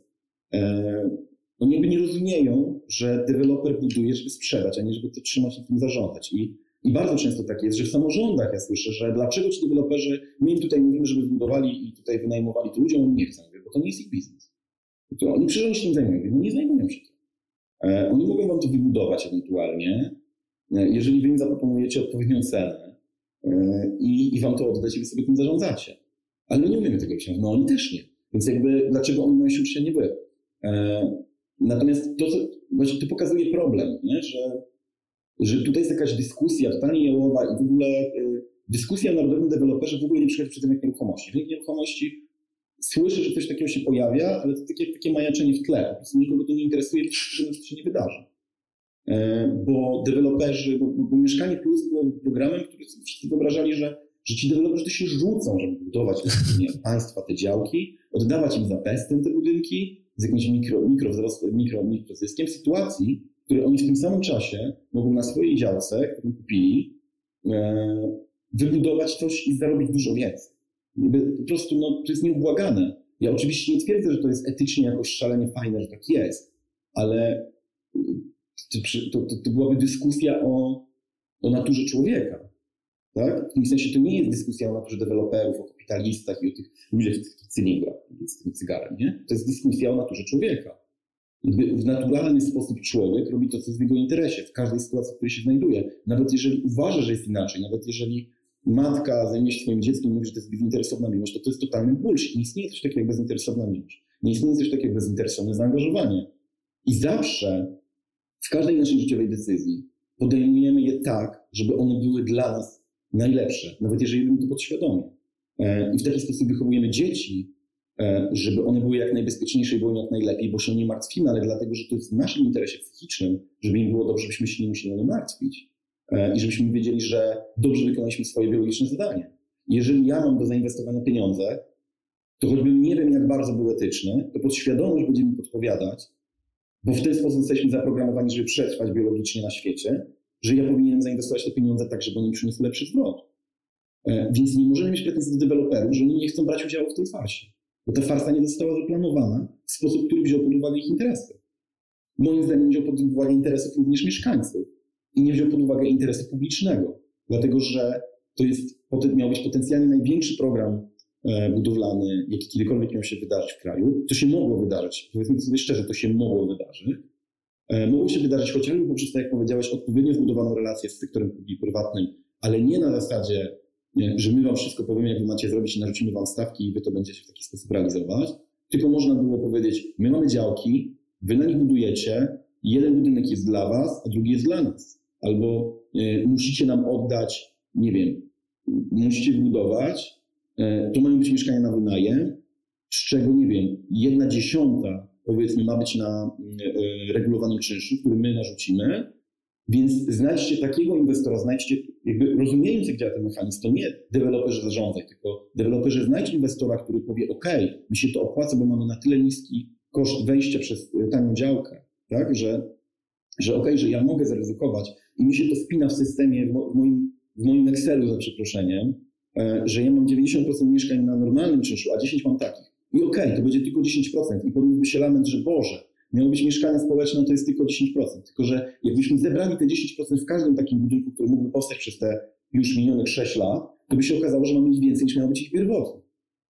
Tak? Po prostu to jest kwestia, znaczy oczywiście ja teraz trochę spekuluję, tak? no bo to znowu, mogłoby tak być, nie musiało, ale to ja pamiętam, jak lata temu, w roku, nie wiem, 12, 13, na jeszcze nazwijmy to będąc architektem, właściwie będąc studentem, ale będąc przekonany co do tego, że raczej będę się zajmował architekturą, choć już wtedy czułem, że chyba nie do końca typowo, wylądowałem na jakimś spotkaniu e, jakichś deweloperów, nie pamiętam, w każdym razie to było jakieś spotkanie świąteczne, oni tam wszyscy sobie już troszeczkę, nie? Więc ja się zapytałem, słuchajcie, a gdyby tak miasto dało wam działkę w centrum, nie za darmo, tylko za cenę działki, która jest na przedmieściach, to było we Wrocławiu. I wy musielibyście w zamian za to E, oddać 12-15% mieszkań e, z takiej inwestycji, bo już nieważne jakiej skali, e, na cele społeczne, żeby jako zasób socjalny. Oni się sekundy nie zastanawiali. Tam nie było takiego, nie, no musimy to policzyć, tylko było, oczywiście. My to dzisiaj zrobimy. Tak? Tylko, że potem ja rozmawiam na spotkaniu, gdzie są i inwestorzy, i deweloperzy, i przedstawiciele miasta, odpowiedzialny za te sektory, akurat w Warszawie, i słyszę, jak przedstawiciel mówi: Ja nie wiem, dlaczego ci deweloperzy nie chcą z nami współpracować. Przecież my im proponujemy, żeby oni e, wzięli e, i wzięli sobie tutaj, oddali nam mieszkanie, e, a my im oddamy w zamian tutaj taką działkę. Mówię zaraz. To wy chcecie, żeby deweloper oddał wam mieszkanie, które już budował, tak? w sensie albo już jest na etapie budowy, zrezygnował z zysku, który ma teraz, w zamian za działkę, która jest nie wiadomo jaka, bo Potem z rozmów wynikało, że właściwie to ta działka może mieć ochronę konserwatorską, że nie wiadomo, co tam będzie można, nie można. I ja mówię, no to wy musicie zrobić te wszystkie rzeczy, to wtedy znajdziecie partnera po stronie deweloperów. Jeżeli wy zagwarantujecie, że to przeprowadzicie ten proces, a potem wyjdziecie z tą ofertą, dacie gwarancję, że to się będzie mogło wszystko wydarzyć. E, no to to jest faktycznie deal, tak? Jeżeli ja chcę, jeżeli deweloper chce sprzedać budynek na rynku komercyjnym, to nie wychodzi i nie mówi, że mam taką działkę i że właściwie to jest działka leśna, ale można ją przerobić na budowlaną i można tam postawić biurowiec, bo mi się tak wydaje, e, bo kiedyś widziałem, jak na takiej samej działce w Holandii stał biurowiec e, i ja myślę, że to będzie wieżowiec. I on w ten sposób nie sprzedaje, tylko on musi przekształcić działkę, zaprojektować koncepcję, pójść po pozwolenie na budowę i wtedy on idzie do inwestora i mówi, ja już to wszystko mam. Ja już to wszystko mam, ty już masz gwarancję, że to powstanie. Tak? Miasto, jeżeli miasta chcą współpracować z deweloperami, a moim zdaniem powinny, e, nie tylko z deweloperami, w ogóle z sektorem publicznym i budować takie partnerstwo, to właśnie na takich zasadach. Problem polega też na tym jednak, że kiedy ja się pytam samorządów, dlaczego one tego nie robią, to dostaję komunikat, że oni się partnerstwa publiczno-prywatnego boją. Nie boją się tego, że zostaną źle potraktowani przez inwestora e, prywatnego. Boją się tego, że ta jedna niewielka inwestycja PWP odbierze im władzę. Bo to jest woda na młyn opozycji samorządowej, żeby powiedzieć, tutaj był jakiś przełom. Tutaj to była jakaś dziwna relacja. A dlaczego akurat z tym człowiekiem jest to partnerstwo? Tak? Więc dopóki da się to robić bez partnerstwa, dopóki są fundusze unijne i tak dalej, no to niestety PPP w Polsce, biorąc pod uwagę brak poczucia odpowiedzialności społecznej, publicznej e, w środowiskach politycznych, bo to się do tego sprowadza. Tak? Gdyby samorządy działały tak, jak miały działać wedle planu lat 90., 97, że to mają być apolityczne de facto jednostki, gdzie odbywają się wybory i tak dalej, ale, ale to są lokalni działacze, którzy nie muszą mieć umocowania partyjnego e, i oni jakby nie walczą między sobą, tylko działają, oczywiście mają różne poglądy, mają różne wizje rozwoju, ale jednak działają wspólnie dla dobra lokalnej społeczności, no to pewnie tak by było, bo y, w interesie wszystkich w tym samorządzie byłoby to, żeby w danym miejscu na przykład e, zamiast budować bibliotekę z pieniędzy publicznych w miejscowości powiatowej, to znalazłoby się dewelopera, który by się powiedział, słuchaj, ty masz tutaj działkę, możesz postawić tutaj mieszkania, ale musisz nam tutaj postawić też bibliotekę. I on by to postawił bez gnięcia palcem, tak? Po prostu dogadano do warunki finansowe, to by się wydarzyło.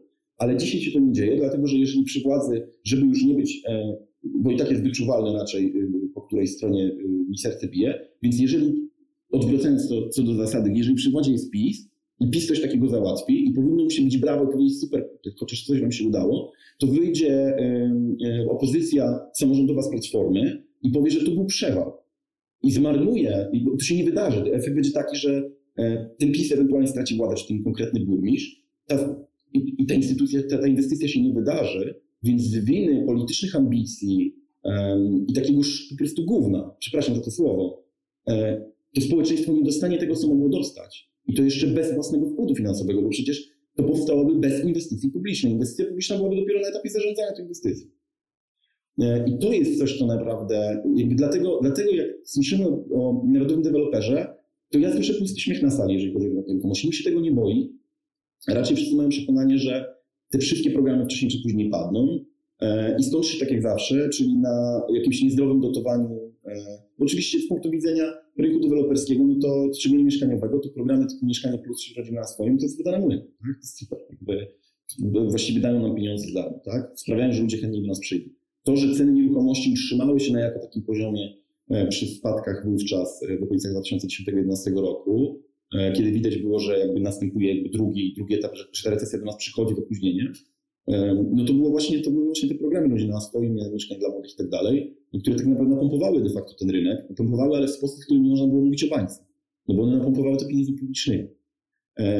Ja nie wiem, czy odpowiedziałem dobrze na Twoje pytanie. Nie no, tak, tak, tak, tak, tak. No ja, ja podzielam w ogóle Twoje zbulwersowanie właśnie tym myśleniem o partnerstwie publiczno-prywatnym, bo ja jestem absolutnym fanem tego typu, tego typu myślenia, ale też uważam, że w Polsce jest to po prostu absolutnie nierealne właśnie z powodów dokładnie tych, które tutaj bardzo ładnie wylistowałeś. A słuchaj, a drugą rzeczą, która mnie e, bardzo nurtuje i bardzo też mnie denerwuje w kontekście tych programów rządowych, to jest to, że jeżeli myślimy o budowaniu mieszkań, faktycznie myślimy o budowaniu tych mieszkań. Dlaczego? I to tak naprawdę już każda strona polityczna nie mówi, hej, jest tyle x pustostanów, które są gminne. Wykorzystajmy je, żeby, e, żebyśmy wytworzyli jakiś zasób mieszkaniowy. Nie, ciągle myślimy o budowaniu. Te, te budowa, te budowa tych mieszkań najczęściej jest bardzo mocno przesunięta daleko od obszarów śródmiejskich miast, a bym powiedział, że nawet bardzo często na przedmieścia, co jakby absolutnie kłóci się z tymi trendami tak naprawdę, o które, o które się walczy w kontekście zdrowego miasta, czyli zrównoważony transport publiczny z samochodowym, pieszym i rowerowym, czy 15-minutowe miasto. Zastanawiam się, dlaczego tak się dzieje. To też jest znowuż jakaś, e, jakieś uwarunkowanie bardziej e, rynkowe, czy może po prostu to jest najczęściej na świecie za drogie, żeby inwestować w już istniejący, istniejący budynek, skoro można postawić 20 kilometrów dalej po prostu od nowa. Rozumiem, że pytasz o to z punktu widzenia publicznego. Tak, tak, tak. Tak, tak, tak. No bo jeżeli chodzi o prywatny, no to powiedzmy, że mniej więcej to jest zrozumiałe dla wszystkich, ale publiczny, no, myślę, że nie do końca. Jest tutaj kilka czynników, które na to wpływają i jakby szukać najpierw tych obiektywnych, które miałyby tłumaczyć to, no to koszty przebudowy budynku są droższe niż budowa od. Większość z nas o tym wie. Dochodzą kwestie konserwatorskie, które dotyczą sektora publicznego tak samo jak prywatnego, więc taki proces jest dłuższy. E, no i za te same pieniądze teoretycznie odnawiamy 20 mieszkań w kamienicy, co wybudowalibyśmy, e, nie wiem, powiedzmy 30 na tych przedmieściach, ale to jest coś, co byłoby jakimś racjonalnym wytłumaczeniem i powiedzmy, że to jest dokładnie ten sam argument, którego pewnie użyłby sektor prywatny, bo też on paradoksalnie całkiem chętnie takie kamienice remontuje, bo wie, że takie mieszkanie sprzedaje po zupełnie innej cenie niż sprzedaje mieszkanie w, w nowej zabudowie. E, I po prostu ta atrakcyjność tej inwestycji jest na tyle duża, że jemu się zwraca to, że on ponosi wyższe koszty. Nawet jeżeli tam było po drodze jakieś bariery związane z ochroną konserwatorską, do której ja w ogóle jestem fanem, tak żeby nie było, bo mogło wybrzmieć negatywny sposób. Ja absolutnie uważam, że powinniśmy wiedzieć, co chronić, czego nie chronić. I jakby czasami przesadzamy w drugą stronę, ale też nie chodzi o to, żeby, żeby pozwalać ludziom robić wszystko, jak im się żadnie podoba, tylko dlatego, że mają pieniądze. E, natomiast to, co mi, e, jakby to jest czynnik, który, tak jak mówię, mam wrażenie, że byłby racjonalnym wytłumaczeniem. Natomiast mam takie przekonanie, graniczące z pewnością, że mm, problem polega na tym, że tak jak już wcześniej mówiliśmy, samorządowcy nie widzą interesu publicznego, tylko swój interes polityczny. I oni tak naprawdę w trakcie bycia w samorządzie uprawiają marketing. E, czym często są całkiem nieźli. No i skutek tego jest taki, e, że e, jest to o tyle skuteczne i jak widać ludzie to lubią, że jestem w stanie wymienić z palca kilka miast w Polsce, które w ostatnich wyborach samorządowych wybierały osoby, które miały odpowiedni PR, chociaż niczego sobie specjalnie reprezentowały, w sensie nie, nie pokazywały nie dawały, nie dawały przekonania, że to rzeczywiście wniesie coś nowego. Więc jakby to, to, to jest jeden dowód, że działa. Mm, byli to ludzie znikąd, albo ludzie, którzy mieli niewielkie doświadczenia, albo widać że sobie tego nie, z tym nie poradzą i tak dalej, tak dalej. Ale odrywając się od tego, problem polega na tym, że jeżeli ja jestem włodarzem miasta, czy tam y, powiedzmy wiceprezydentem odpowiedzialnym za, za inwestycje i, i na moich barkach spoczywa y, powiedzmy w cudzysłowie stworzenie e, zasobów, tworzenie zasobów publicznych, jeżeli chodzi o mieszkania, no to wtedy ja mam taki wybór. Mogę pokazać, zobaczcie, mam taką starą kamienicę i tą kamienicę odnowimy. I będziemy tutaj mieć 20 mieszkań, bo ona jest nasza i to będzie 15 minut. Użyję, wszystkich tych argumentów, które tu użyłeś. I po czym powiem, no i to potrwa 3 lata, nie? czy 5. No i mam w środku miasta swego rodzaju obelisk mojej obietnicy, który przykuwa uwagę ludzi, którzy patrzą na niego i mówią, robią, nie robią, dzieje się, nie dzieje, jakby obiecał, nie zrobił. A z drugiej strony mogę pojechać poza y, ścisłe miasto i powiedzieć, tutaj jest taka działka. I my tutaj zrobimy taki budynek, po czym pokazuje nowoczesną wizualizację, nowoczesne inwestycje budowlane. A pamiętajmy o tym, że e, umysły architektów funkcjonują trochę inaczej, na to są nowe badania. E, natomiast przeciętny człowiek taki przeciętny Szary Kowalski woli nowe od starego. W sensie, y, ja regularnie przeżywam, przechodzę przez dyskusję, dlaczego nieruchomości e, z czasów e, minionego systemu niejednokrotnie są lepsze od współczesnych. I do ludzi to totalnie potrafi nie docierać, jeżeli nie mają odpowiedniego przygotowania do tej rozmowy. Tak, jeżeli to jest tak zwany Szary Kowalski, to do niego mówi, ale jak niby to miało, niby jak? Przecież to jest nowa, tam to jest stare. Tak? No, nowe, nowe mieszkanie, nowe, nowe. Więc i często tak samo jest z tymi kamienicami i tak dalej, więc to jest super fajne dla e, średniej klasy wyższej, e, dla wielkomiejskich hipsterów, taka narracja, natomiast dla tej dla tego populizmu, dla tej większości, która musi wybrać tego prezydenta do władzy, to oni dostają taki komunikat. Mogą dostać komunikat, ja przez 4 lata wyremontuję kamienicę, w której jest 20 mieszkań i wy możecie codziennie patrzeć, czy ja to zrobiłem, e, bo wartości 15-minutowego miasta, etc., etc., albo wychodzę i mówię, zobaczcie, jakie piękne wizualizacje. Tak będzie rozwijać się nasze miasto. To jest nowy kawałek miasta, to jest nowe centrum, nowe osiedle, rewelacja. To po prostu będzie kraina mlekiem miodem płynąca. Tam te wszystkie sklepy przy tej kamienicy już oni widzieli i widzą, czy tam jest fajnego, nie fajnego. A tutaj będą same fajne sklepy, same fajne kawiarnie, wszystko będzie fajne. I będą takie ładne drzewa rosły. I będzie wszystko super. I nie ma obelisku tej obietnicy. Poza tym ja mówię, ja to zrobię szybko, przecież ja to mogę zrobić w dwa lata. Tylko, że ja tego nie robię przez całą tą kadencję. Ja to tylko obiecuję. Ale ta obietnica jest mniej wiążąca, mimo że ja nie ruszam palcem, niż, bo tutaj nic nie stoi, więc ja zawsze mogę powiedzieć, no takie procesy trwają. Tu trzeba zaprojektować i tak dalej. A kiedy budynek stoi, mimo że my wiemy jako architekci, że przeprojektowanie kamienicy może trwać tyle samo, co budowa nowego, projektowanie nowego budynku, a właściwie to dłużej, to z punktu widzenia tego szarego Kowalskiego to jest tak, że ten budynek stoi, oni tam powinni wejść i zrobić remont. Więc dlaczego to się nie dzieje, tak? Interes polityczny e, samorządowców jest taki, żeby obiecywać, że oni wybudują nowe osiedla i pokażą, jakie to te ich małe miasteczka albo duże miasta będą jeszcze większe, jeszcze bardziej nowoczesne, jeszcze nie wiadomo co jeszcze, i że tu będzie kraina mlekiem i płynąca właśnie tutaj, w tym nowym kawałku miasta, udając, że tam tego nie ma. Nawet jeżeli wiedzą, że to jest lepsze, e, to, to po prostu łatwiej jest w ten sposób ukrywać też politycznie.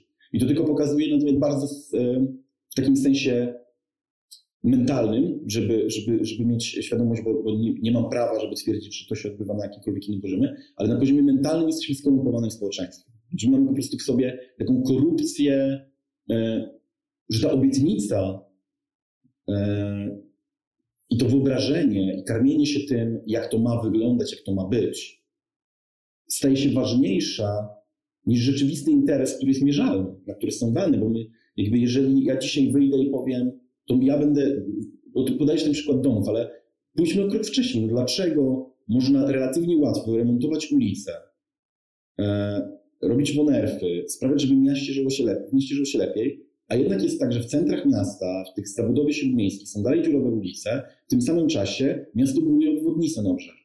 Tak? E, I ktoś by powiedział, bo ta obwodnica jest potrzebna. Nikt tego nie kwestionuje, że jest, ale czy jest bardziej potrzebna niż odpowiednia komunikacja wewnątrz miasta? Raczej nie. Natomiast to jest wizerunkowo dużo ciekawsze. Poza tym ja mogę przyciągać ten proces i opowiadać o nim, jak długo ja go robię, jak on jest wspaniały, jak on jest zajmujący że to jest największy projekt tej lokalizacji od, nie wiem, po prostu nie było takiego burmistrza od trzech dekad, żeby takie inwestycje walił. Nie? I ja widzę, że w dużych miastach ta mentalność się zmieniła. I to jest, nie wiem, to była mentalność bardzo, silna, bardzo silnie przypisana do e, Rafała Dudkiewicza, który we Wrocławiu rządził, kiedy ja tam mieszkałem. I rzeczywiście w ostatniej kadencji było czytelne to, że zmieniły się oczekiwania społeczne i że ludzie chcą rowerów, chcą inwestycji lokalnych, chcą tego, żeby pomyśleć o śródmieściu, o tym, w jaki sposób żyje miasto wewnątrz, a on dalej myśli wielkimi inwestycjami. I dlatego on nie był w stanie, znaczy to, to, że on sam zrezygnował z tego, żeby dalej kandydować, to jest jedno, a to, że jestem przekonany, że po prostu on był już tym zmęczony, że ludzie go nie chcą zrozumieć, a po tylu latach przy władzy, jak się siedzi 12 lat w fotelu, a on siedział 16, to ty już masz wrażenie, że, że ty wiesz wszystko najlepiej. Jakby, wszystko, że ty wiesz lepiej, że to ty rządzisz tym miastem. Tak? Oni ci będą mówić, ci aktywiści dwudziestoparoletni, że oni wiedzą lepiej, a co oni tam wiedzą. Nie?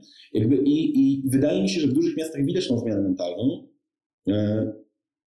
Widać to w Warszawie, po tym jak, w ogóle jaka była narracja w wyborach w Warszawie. Znaczy, wiem, akurat jesteście w, na Śląsku e, i przyznam bez bicia, że dokładnie nie wiem, jak się odbywały wybory samorządowe na Śląsku, jeżeli chodzi o narrację. Natomiast jeżeli chodzi o to, jak to się odbywało w Warszawie, no to, to była totalna zmiana. I nie chodzi nawet konkretnie o Rafała Trzaskowskiego, który te wybory wygrał, ale praktycznie każdy kandydat e, w tych wyborach, w przeciwieństwie do wyborów poprzednich, żaden z nich nie obiecywał wielkich inwestycji, budowania kolejnych stadionów i tak dalej, tylko dokończenie tego, co już jest na stole, natomiast opowiadał o rzeczach, które będą zaangażowaniem społecznym e, w życie miasta. Na ile to się odbywa, to jest jakby zupełnie inna dyskusja, ale znowu e, to są bardzo duże miasta, ale w tych mniejszych miastach E, ja pochodzę z miasta powiatowego. Dość dużo bywam w tych mniejszych miastach. Tam nie ma takiej narracji. Tam nikt nie opowiada o tym, że trzeba zrobić porządnie kamienice, zadbać o drogi. Znaczy, oczywiście, że ludzie krytykują, że drogi lokalne są niezrobione, ale ktoś im zadał pytanie, czy ty chcesz mieć teraz nową, szeroką drogę podmiejską, czy ty chcesz mieć tutaj lokalnie zrobioną tą w śródmieściu, to oni chcą mieć tą podmiejską, bo im się wydaje, że to buduje wyjątkowość ich miasta i buduje wyjątkowość ich, że oni są przez to bardziej, że oni chcą być tym małym miasteczkiem, ale jednocześnie chcą mieć takie poczucie, że, że to jest mimo wszystko taka skurczona Warszawa i że tam, tam wszystkie te inwestycje, jak na skalę tego małego miasta, to one są tak razy półtora, nie? I to, I to przekłada się na wszystkie inwestycje. To nie jest kwestia tylko dróg i tylko szkół i tylko iluś tam innych, ale to przekłada się też na przykład na budownictwo społeczne. Ale dodatkowym problemem jest to, że my cały czas mamy tą narrację, że oni budują mieszkania komunalne, potem je sprzedają za ułamek wartości. E, I to, I to przekonanie, że tak powinno być.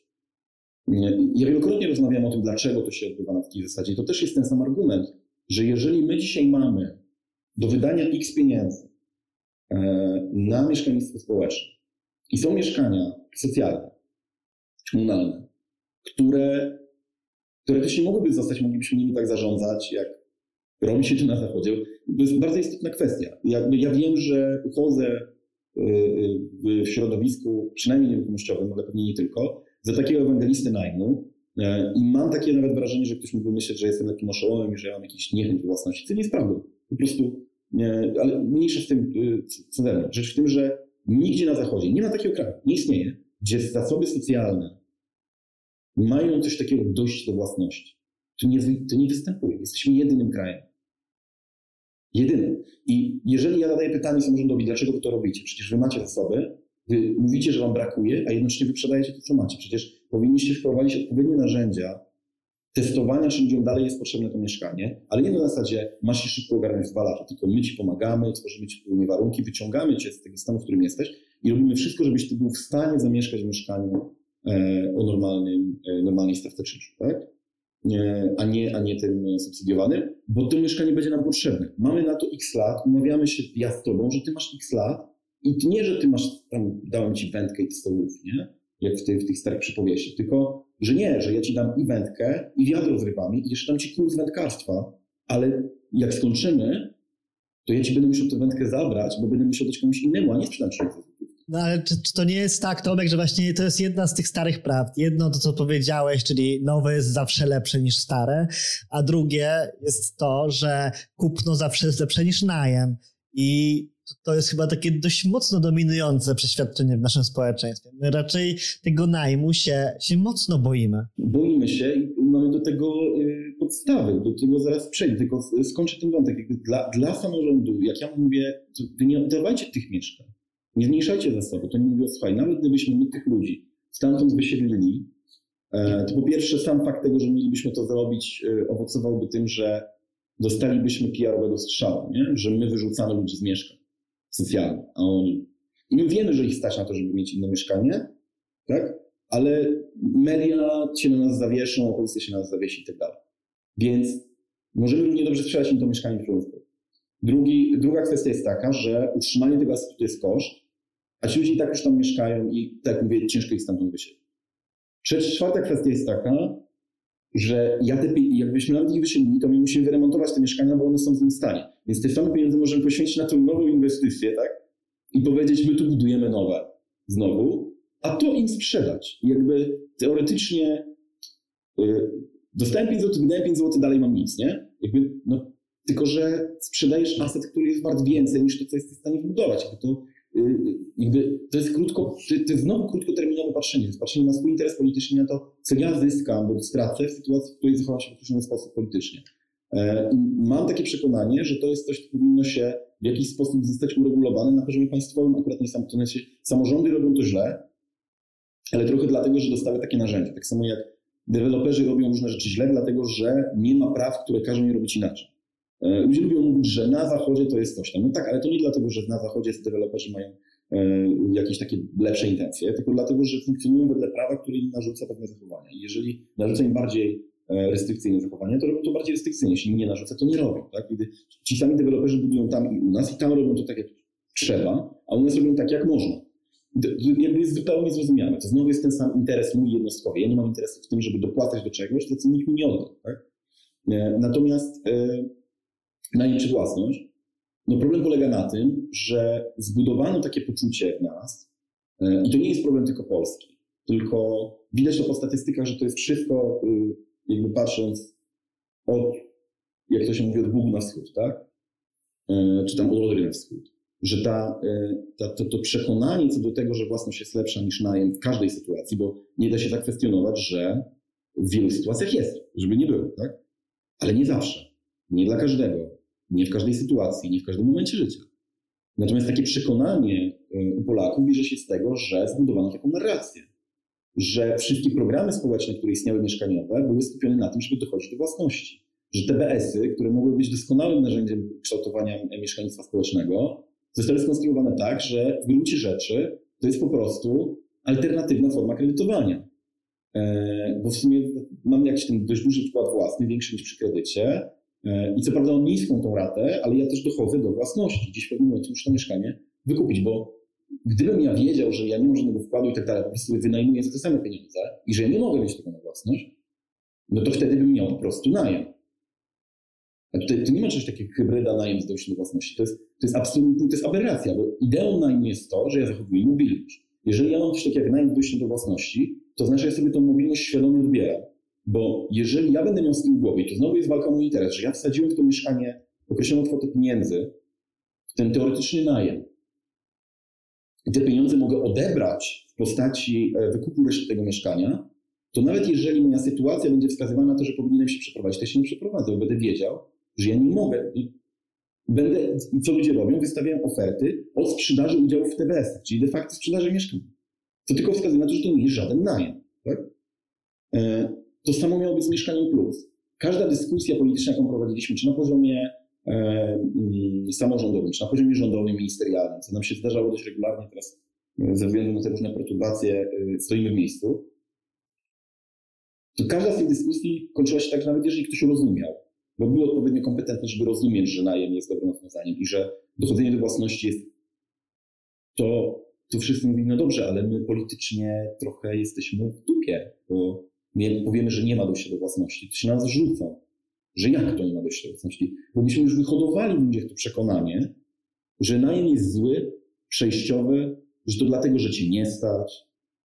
A prawda jest taka, że skutkiem tego ludzie, którzy mają 20 parę lat i nigdzie na zachodzie nie kupują żadnych mieszkań, bo to nie jest ten etap życia, którzy mają pierwszą, drugą pracę, którzy jeszcze tak naprawdę do końca nie wiedzą ani co będą robić. Oni skończyli studia, ale doskonale wiadomo, że życie się po prostu potrafi totalnie zmienić. I nawet jeżeli skończyłeś kierunkowe studia i zostałeś, powiedzmy, architektem i poszedłeś do jednej pracy, drugiej pracy, to może być tak, że w pewnym momencie się obudzisz tak jak ja i stwierdzisz, że właściwie to ty nigdy nie chciałeś siedzieć przy komputerze i rysować kresę. Albo skończysz prawo i będziesz pracował w jednej kancelarii, w drugiej kancelarii, a potem stwierdzisz, że w sumie to ty zawsze chciałeś budować narty. I chcesz mieć warsztat na wsi, nie? I teraz, jeżeli ty wejdziesz w kredyt, e, to teoretycznie, teoretycznie oczywiście możesz to mieszkanie sprzedać z tym kredytem, to nie jest żaden problem, tak? Ale jeżeli decydujesz się na wynajem, to ty wtedy jakby świadomie wiesz, że to jest czasowe, tak? Ale to nie znaczy, że to ma być na chwilę, bo ty możesz tam mieszkać latami. Ludzie w Niemczech mieszkają w jednym mieszkaniu po 10-15 lat, wynajmując. Ale ty wiesz, że ty zachowałeś tą mobilność, że ty dzisiaj tu mieszkasz, ale jak zmienisz zdanie, stwierdzisz, że wybrać za granicę tu tamtego, to podjęcie tej decyzji będzie relatywnie łatwe. Ale jeżeli to mieszkanie masz na własność, to decyzja zaczyna się robić bardzo trudna, bo ty to mieszkanie kupiłeś, to kosztowało cię bardzo dużo energii, wyszukiwania, przywiązania emocjonalnego, zbudowania relacji z tą przestrzenią. To, nie jest po prostu mieszkanie, to jest twoje mieszkanie. W tym sensie twoje, ja mówię, że moje mieszkanie jest to, które wynajmuję, bo ono jest moje w trakcie, kiedy ja tam mieszkam. Natomiast ja mam pełną świadomość tego, że ono nie jest do mnie przypisane i że ja nie będę Oczywiście będę jakąś tam nostalgią się karmił, e, co jest zupełnie naturalne. I ja na przykład mam tak, że w jakiś sposób wspominam każde mieszkanie, w którym mieszkałem i, z jakąś tam sympatią. Natomiast, jak mówię, no większość z nich nie była moja. To nie przeszkadza mi w tym, żeby czuć do nich przywiązanie. Natomiast kiedy mieszkanie jest już całkiem twoje, to ty stajesz przed tą dyskusją, przed tym problemem, w którym zadajesz sobie pytanie, ok, zainwestowałem czas, zainwestowałem energię, włożyłem swój wkład własny, kosztowało mi to multum rzeczy, żeby te pieniądze dostać albo dostałem od rodziców, ale drugiego nie dostanę. Tak? To było raz. Teraz wziąłem kredyt, spłacam ten kredyt, to są nerwy, muszę tutaj, każda naprawa, każde popsucie, ja wszystko musiałem zrobić. Musiałem kupić tę pralkę, kupić tą zmywarkę, kupić tą lodówkę, umeblować. To jest moja ulubiona kanapa, Ja ją wyszukiwałem przez trzy tygodnie i czekałem na nią dwa miesiące, bo ona jest z włoskiej skóry. I to wszystko, i oczywiście to mieszkanie, na początku to mi się marzyło, że ja zamieszkam sobie, w, będę miał 70 metrów na Mokotowie, a skończyłem 30 metrami na Bemowie i miałem mieć meble z Napa, a mam meble z Ikei, ale to są moje meble z Ikei. I jednak mam takie detale w tym mieszkaniu, które są meble na wymiar, jakieś takie rzeczy, w które zainwestowałem więcej, jak ze sobą nie zabiorę. One są do tego mieszkania. I teraz świadomość, że ja mam się stąd wyprowadzić e, i to mieszkanie sprzedać jest bolesne. Nie mówię, że to się nie wydarza, bo się wydarza, ale trudniej mi jest podjąć te decyzje niż wyprowadzić z wynajmowanego mieszkania. Inni mówią, nie, nie, nie, ja takie mieszkanie potem wynajmę. I ja znam ludzi, którzy uparli się, że kupią mieszkanie w Gdańsku, kupili mieszkanie w Gdańsku. Pojawił się problem, że mogliby dostać dużo lepszą pracę w Warszawie. E, I nagle się okazało, że wcześniej mówili, że oni w takiej sytuacji bez problemu się wyprowadzą i wynajmą to mieszkanie, ale kiedy zapytałem, no co wynajmujecie, to on mówi, no nasze mieszkanie, naszymi meblami, a jakby prawda jest taka, że chociaż większość wynajmujących jest lepsza niż, e, większość najemców jest lepsza niż wynajmujący, niż właściciele, e, no rzeczy się starają, wiedzą, że to jest nie cudza własność i tak dalej, to wyobrażenie, są same pesymistyczne myśli w momencie, kiedy masz wynająć swoje mieszkanie. Masz wyobrażenie, że ci ludzie nie wiadomo, co będą robić. Po prostu, będą jakieś imprezy, miociny będą po ścianach, wiesz, jakby po prostu widzisz wszystkie to po prostu apokaliptyczna wizja. Więc jak masz mieszkanie, które kupiłeś w celach inwestycyjnych, w miejscu, w którym nic się to nie obchodzi, że ono jest, bo ty tam nie mieszkasz. Umeblowałeś się tak, się mebluje mieszkanie na wynajem i ty wiesz, że ono jest na wynajem, to ty je po prostu wynajmujesz to jest no big deal. Ale jeżeli to jest twoje mieszkanie, które umeblowałeś pod siebie i tak dalej, to jasne, możesz zabrać te meble. Ale ty je pod to mieszkanie kupować. One już nie będą takie same w innych mieszkaniach. Poza tym, jak podejmujesz decyzję, że się z Katowic do Barcelony, to ty nie zabierzesz ze sobą kanapy. Nie? I raczej też nie kupisz mieszkania w Barcelonie, tylko wynajmiesz, ono już będzie jakieś umeblowane. E, I nakłada się po prostu pełno warstw, które sprawiają, że ludzie w wieku 20 paru lat, kiedy powinni być cholernie mobilni, kiedy powinni mieć możliwość podejmowania decyzji i popełniania błędów, to oni są zmuszeni do tego, żeby być bardzo dorosłymi. Nawet jeżeli kupowali nie do końca swoje pieniądze, bo trochę od banku, trochę od rodziców, to oni nagle wchodzą na ten etap, że oni by chcieli zmienić pracę, żeby lepiej zarabiać, ale w sumie nie bardzo mogą sobie na to pozwolić. E, że oni by chcieli wyjść jakby y, z, y, z bardziej swobodnie podejść do pewnych rzeczy, ale oni mają z tyłu głowy, że oni mają kredyt, oni jak będzie jakikolwiek problem, stracą mieszkanie. Nie, że będą musieli wyprowadzić się z wynajmowanego mieszkania i zamieszkać ze znajomymi albo z rodzicami. Nie, oni będą musieli, ktoś im zabierze ich własność. To jest zupełnie inny poziom emocjonalny. I żeby było jasne, ja nie kwestionuję tego, że jest multum ludzi, dla których to jest dobre rozwiązanie. Bo jest. Ja też takich ludzi znam. E, którzy kupili mieszkanie i bardzo dobrze się stało, bo są z tego powodu bardzo szczęśliwi, albo tacy, którzy mieszkanie dostali, gdzie już w ogóle jakby e, ta była inna. I znam też takich, którzy wynajmują i wiem, że to dla nich, że im to nie służy i że oni powinni mieć swoje mieszkanie.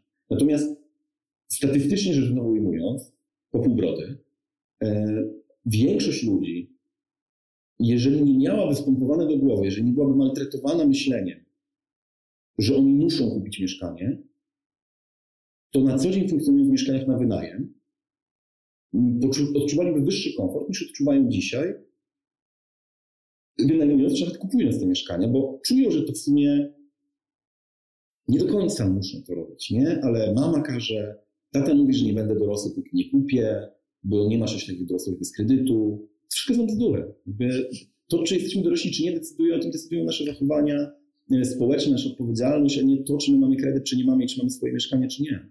E, ludzie potrafią w niektórych miejscach świata przez życie wynajmować, bo, no bo tu dochodzi ten ostatni aspekt i tutaj pewnie skończę, że dla mnie zawsze kluczem było to, e, że jeżeli ja dzisiaj nie muszę decydować na zakup mieszkania, no to wylądowałbym e, w tym stosunkowo małym mieszkaniu w miejscu, w którym niekoniecznie chciałbym mieszkać, dlatego że bank nie da mi kredytu na mieszkanie, które ja bym chciał kupić, a potem będę musiał jeszcze wyposażyć też nie w taki sposób, jak ja bym chciał, tylko w taki sposób, jak będę mógł. Natomiast ja dzisiaj, wynajmując mieszkanie E, mogę wynajmować w świetnej dzielnicy. Tak mówię, przepraszam, że mówię o tym z perspektywy Warszawy, to nie chciałbym, żeby to było takie Warszawka, tylko po prostu mówię ze swojej, ale powiedzmy, że, że w Katowicach, tak? E, mogę wynająć w najlepszym miejscu, w najlepszym osiedlu, które mi się podoba i to nie, nie jest powyżej moich możliwości finansowych. Oczywiście bym tam tego mieszkania nie był w stanie kupić, bo ono było dwa razy drogie, ale wynająć je mogę.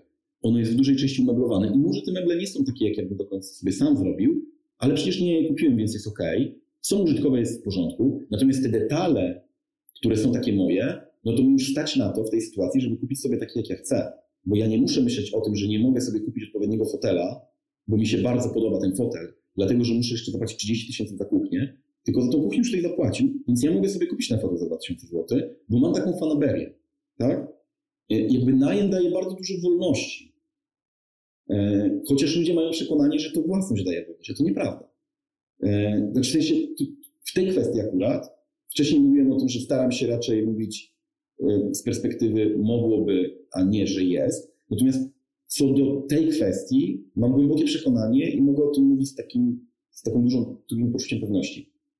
Najem daje wolność, daje swobodę, której własność, zakredytowana własność, w sytuacjach, w której nie, nie jesteśmy e, jakby w tej sytuacji życiowej, w której możemy co chcemy, to nie jest żadna wolność. Wolność jest, oczywiście własność jest wolnością w sytuacji, w której stać nas na to, żeby mieć mieszkanie w całości na własność, bez kredytowania, kiedy możemy pozwolić sobie na dowolne um, umeblowanie tego mieszkania, tak nam się podoba, bo nas wszystkich nas stać. Jakby nie, nie, ale ilu jest ludzi statystycznie, którzy mają, którzy mogą karmić się taką wolnością? Myślę, że to jest, że to, to nie mówimy o promilach, mówimy o jednej e, dziesiątej promil, tak? Społecznej. To jest, wiesz, to jest przytłaczające, yy, ale ja się z tym też bardzo zgadzam i dla mnie też zawsze najem był, był tą wolnością, bo właśnie dodatkowo czynnik mobilności, o którym mówiłeś, też jest tutaj bardzo, bardzo ważny. Poruszyliśmy, Tomku, całą masę problemów, głównie wokół rynku nieruchomości związanych z mieszkalnictwem. E, to spróbujmy teraz jakoś ten węzeł gordyński, wiem, że to nie jest proste absolutnie, rozwiązać. Czy istnieją jakieś recepty, jak ten rynek w mądry sposób e, uzdrowić? Nie wiem, możesz stworzyć taki jakiś, nie wiem, dekalog e, tej działań, które się powinny wydarzyć. Znaczy nie musi być 10, może być mniej, może być więcej, a może być w kompletnie innej formie.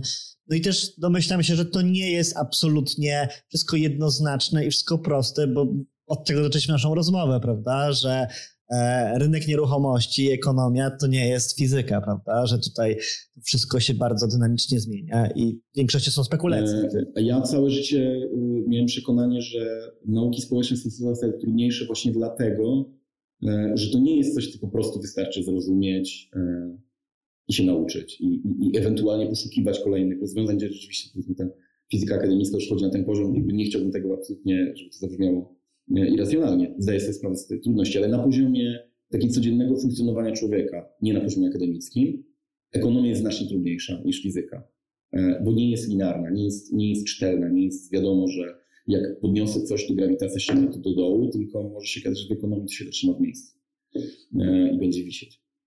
I e, dlatego nie ma prostych recept. Jakby myślę, że to jest, e, że takiej odpowiedzi się mogło się spodziewać. Natomiast są doświadczenia. Są doświadczenia innych krajów e, różnych. E, są, e, są różne narzędzia i warto jest po prostu tym narzędziom się przyglądać. Ja absolutnie uważam, że jednym z takich, z takich, takich przykładów, które lubię przy, przy, przywoływać, jest francuskie podejście do gospodarki. To już takie bardziej szersze pojęcie, tak? Czyli w sytuacji, w której od tych lat 80. E, cała gospodarka globalna zaczęła skręcać w tę neoliberalną stronę, co zresztą też wynikało z takiego przekonania, że teraz to już nic nie może się tego stać, e, bo, bo komunizm pada, tak? bo ta wizja gospodarki więc została jedna wizja świata, jak o tym mówił Harari, i, i teraz wiadomo, jaka ona będzie a przy okazji korzystanie z tych dóbr, jakie pochodziły z, z regionów e, nisko rozwiniętych i e, z, z tego, ile, ile kraje e, takie jak Francja, Niemcy, Anglia i tak dalej czerpały z ropy, z, z, z, z paliw, z jakichś dóbr, które po prostu nagle społeczeństwa robiły się niewyobrażalnie bogate, ale nie własną pracą, tylko tym, że zdobywali dobra, które mogli sprzedać i, i budować niewiarygodny majątek to w tym samym czasie Francuzi poszli do tego troszeczkę inaczej. I to oczywiście też jest bliskie neoliberalizmowi, ale w tej dyskusji między socjaliberalizmem a neoliberalizmem ten jeden kraj e, zgodził się na to, żeby jednak znaleźć trochę bardziej złoty środek pomiędzy nimi, a nie iść tak czysto w tą neoliberalną narrację. I tam e, w sytuacji, w której w większości tych krajów budowano taką, takie poczucie, że, że państwo ma nie przeszkadzać biznesowi w budowaniu e, gospodarki, E, i tworzyć jakieś takie ogólne ramy funkcjonowania. O tyle we Francji e, nie, nie ma takiego pełnego interwencjonizmu, gdzie tak naprawdę państwo by jakoś bardzo mocno trzymało biznes i łapami, bo takiego pełnego się nie ma. Natomiast w ramach tych, tego, tego, tego, tego układu, w którym my tworzymy ramy, a wy funkcjonujecie, to jednocześnie państwo również funkcjonuje jako, niejednokrotnie jako podmiot rynkowy. To znaczy, że rzeczywiście państwo we Francji e, podejmuje działania e, na przykład deweloperskie, ale robi to za pomocą samorządów, a nie jako, jako państwo. E, I, I po prostu kształtuje tak naprawdę i mówi wolny rynek ok, czyli rynek kształtuje ceny ok, ale w takim razie my jako podmiot tego rynku pozwalamy sobie na to, żeby mieć wpływ na te ceny. Więc jeżeli widzimy, że coś jest za drogie, niewłaściwe, nie takie jak trzeba, w naszej perspektywie, bo rynek sam poszedł tę stronę, bo ekonomia nie jest fizyką, tak? No to my, wiedząc, że ekonomia nie jest fizyką i że możemy dodać jeszcze jedną literkę do tego układu, no to my po prostu wprowadzamy, inwestujemy, kładziemy duże pieniądze publiczne w to, żeby na przykład taki deweloper państwowy, oczywiście za pomocą samorządu, wybudował dużo mieszkań za niższe ceny niż te, które próbuje oferować rynek komercyjny. I w ten sposób ten rynek jest, jeżeli tych mieszkań jest dość dużo, no to wywołuje, y, wymusza jakby na rynku prywatnym, żeby te ceny były troszeczkę, żeby one przynajmniej się nie rozpędzały, tak? Żeby one jakby wyhamowuje rozwój tych cen, no bo jakby rozjazd był zbyt duży, no to wyglądałoby to źle i e, ci ludzie mieliby po prostu problem ze, ze sprzedażą tych mieszkań i tak dalej. To jest jakieś narzędzie. E, na, na tym przykładzie. Z drugiej strony na pewno znany większości e, ludzi przykład wiedeński, e, czyli rzeczywiście miasta, które e, włożyło bardzo dużo pieniędzy i obiecało, że buduje bardzo dużo budynków socjalnych i to zrobiło, a jednocześnie nauczyło się współpracować z sektorem publicznym, prywatnym, który dużą część tych budynków do tej pory stawia tak naprawdę, tak, za, za pieniądze publiczne, w relacje publiczne i tak. E, świetnym przykładem e, budowania racjonalnego zasobu na przykład społecznego są e, Duńczycy, którzy mają taką zasadę od blisko 40 czy tam prawie 50 lat, że nie może powstać żaden budynek mieszkaniowy, jeżeli przynajmniej 12 mieszkań nie będzie skierowanych na potrzeby 12 czy chyba 12, jeśli dobrze pamiętam. To można nie poprawić, podejrzewam, że dużo ludzi, dużo architektów pracuje w Danii, to mogą wiedzieć lepiej ode. E, że muszą być mieszkania socjalne i że nie, że to będzie gdzieś w tam w suterenie, tylko one muszą się znajdować pomiędzy mieszkaniami tych, którzy za te mieszkania płacą pełny czynsz, bądź po prostu je kupili, bo to dotyczy zarówno mieszkań na sprzedaż, jak i mieszkań na wynajem. Nie wiem, jak to się odbywa, jeżeli chodzi o kwestie zarządzania tymi e, mieszkaniami, czy są jakieś instytucje, które się tym zajmują, czy są prywatne, publiczne, czy deweloper mógłby tak sam tym zarządzać, w co wątpię. E, nie wiem. Natomiast, natomiast istotną jest to, że takie narzędzia E, funkcjonują e, i że te kraje sobie radzą siłą rzeczy przez to, mimo e, tego, że, że oczywiście musieli mierzyć się z tymi samymi problemami co my, to w takich kwestiach radzą sobie po prostu lepiej. To jest, to jest jakby, ja będę z wielką ciekawością obserwować przyszłość, bo faktycznie nie ma co wyważać otwartych drzwi, skoro są na świecie, a nawet bardzo blisko nas rozwiązania, które są przecież bardzo dobrymi rozwiązaniami. I, no, i ja jednak jestem wielkim optymistą, że, że, że coś się uda na tym rynku nieruchomości generalnie zmienić i, i czy to samorządy, czy nasze rządy trochę zaczną inaczej podchodzić do, do myślenia o, o tym rynku. I może to jakaś kwestia tego, że w momencie, jak pojawi się jakiś zdecydowany aktywizm mieszkaniowy w Polsce, o dużej ilości tematów nie porozmawialiśmy dzisiaj, Tomku. E, więc na bank musimy się umówić na jeszcze jedną rozmowę. Ale mam jeszcze jedno pytanie do Ciebie na sam koniec.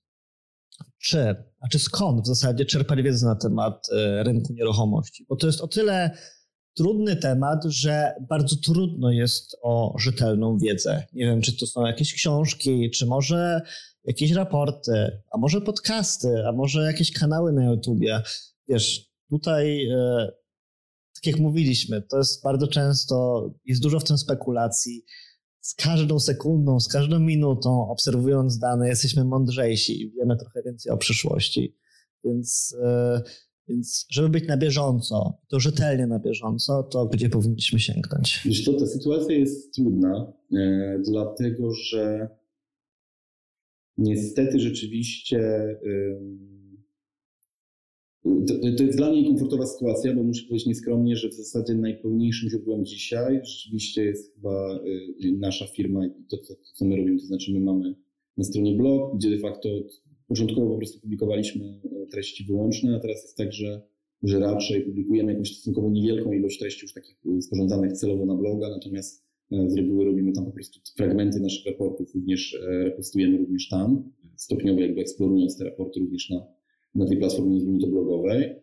E, natomiast no, ja zachęcam do zapoznania się z naszymi raportami, bo staramy się to wytłumaczyć dość kompletnie i językiem, który jest przyswajalny e, szerokiej publiczności. Ja też bardzo zachęcam, bo to jest, to jest naprawdę fantastyczny kawałek wiedzy i ja Wam bardzo gratuluję tej, tej, tych jeszcze tych opracowań, bo to jest naprawdę um, uważam dobra praca, dobrze pokazuje to, co się dzieje na rynku nieruchomości, ale też, tak jak powiedziałeś, język jest taki, że myślę, że nikt się w nim nie zgubi, co jest fantastyczne. E, no i jeżeli chodzi o, o, jakieś takie źródło wiedzy, które jest w miarę dostępne, no to właśnie my.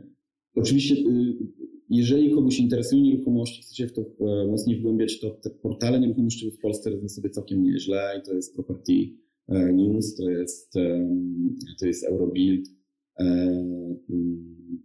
i, i, i, oczywiście tam, e, oczywiście wszystkich plusy biznesu i tak dalej. Natomiast tam te informacje są takie typowo skierowane jednak do aktorów tego rynku, jeżeli można tak to ująć. I, ale, ale bieżące informacje, znaczy, i, też one mają charakter informacyjny, czyli mówią o tym, co kto buduje, gdzie, w którym miejscu i tak dalej, natomiast takiej jakby e, oceny rzeczywistości jest tam niewiele.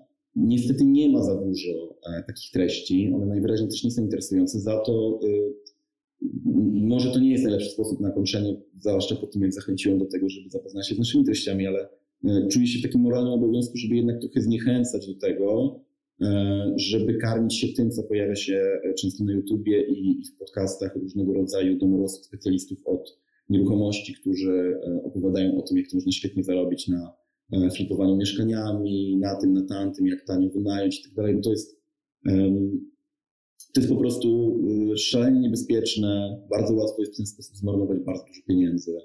E, to nie jest tak, że każda inwestycja w nieruchomości jest zwrotem i e, zwłaszcza w sytuacji, w której wiemy, że rynek jest napompowany i nawet jeżeli nie, nie, nie, jeszcze nie ma pełnej zgodności rynku do tego, że jest bańka, bo nie ma, to nie ma wątpliwości do tego i wszyscy mówią, że jednak mówimy o tym, że jest mocno nagrzany. Tak? Może nie przegrany, ale nagrzany. I te ceny są dość wysokie, co jak na ten moment e, rozwoju gospodarczego całego kraju.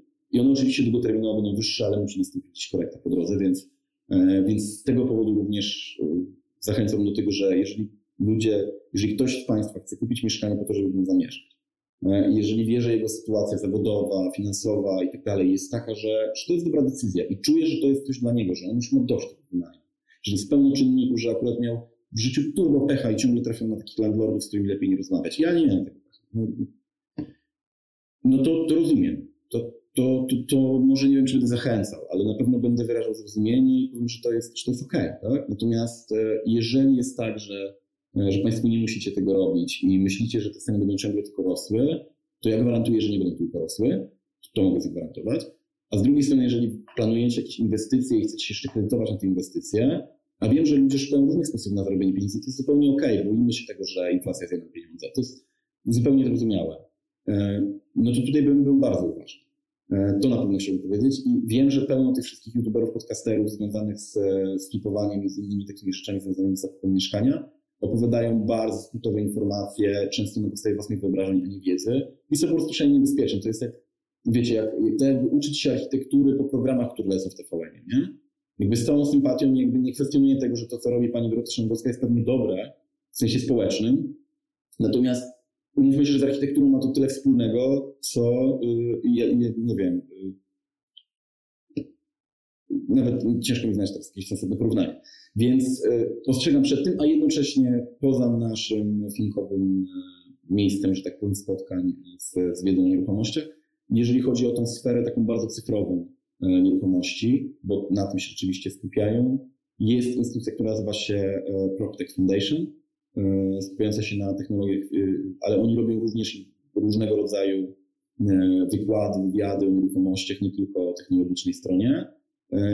I prowadzili też takie fajne nagrania, które nazwali chyba RS Spotlight. Więc to jest rzeczywiście też fajne źródło wiedzy i fajne miejsce do tego, żeby, żeby czegoś się dowiedzieć o nieruchomościach, jeżeli, jeżeli ktoś ma ochotę. Na pewno jest to taki też przyjemniejszy sposób skonstruowany dla odbiorcy, który nie jest na co dzień nieruchomości niż, niż typowo nieruchomościowe treści z, z różnego rodzaju po prostu portali Jeżeli tak bardzo mówisz o uwadze i żeby uważać na to, co się, co się dzieje, to ja też jeszcze raz przestrzegę to, co mówiliśmy na początku. Nie traktujmy tej rozmowy jako doradztwo inwestycyjne, traktujmy ją jako pewien szereg opinii, e, spostrzeżeń i przemyśleń na temat rynku nieruchomości. Bardzo Ci dziękuję, Tomku, za tą rozmowę. Ja również dziękuję.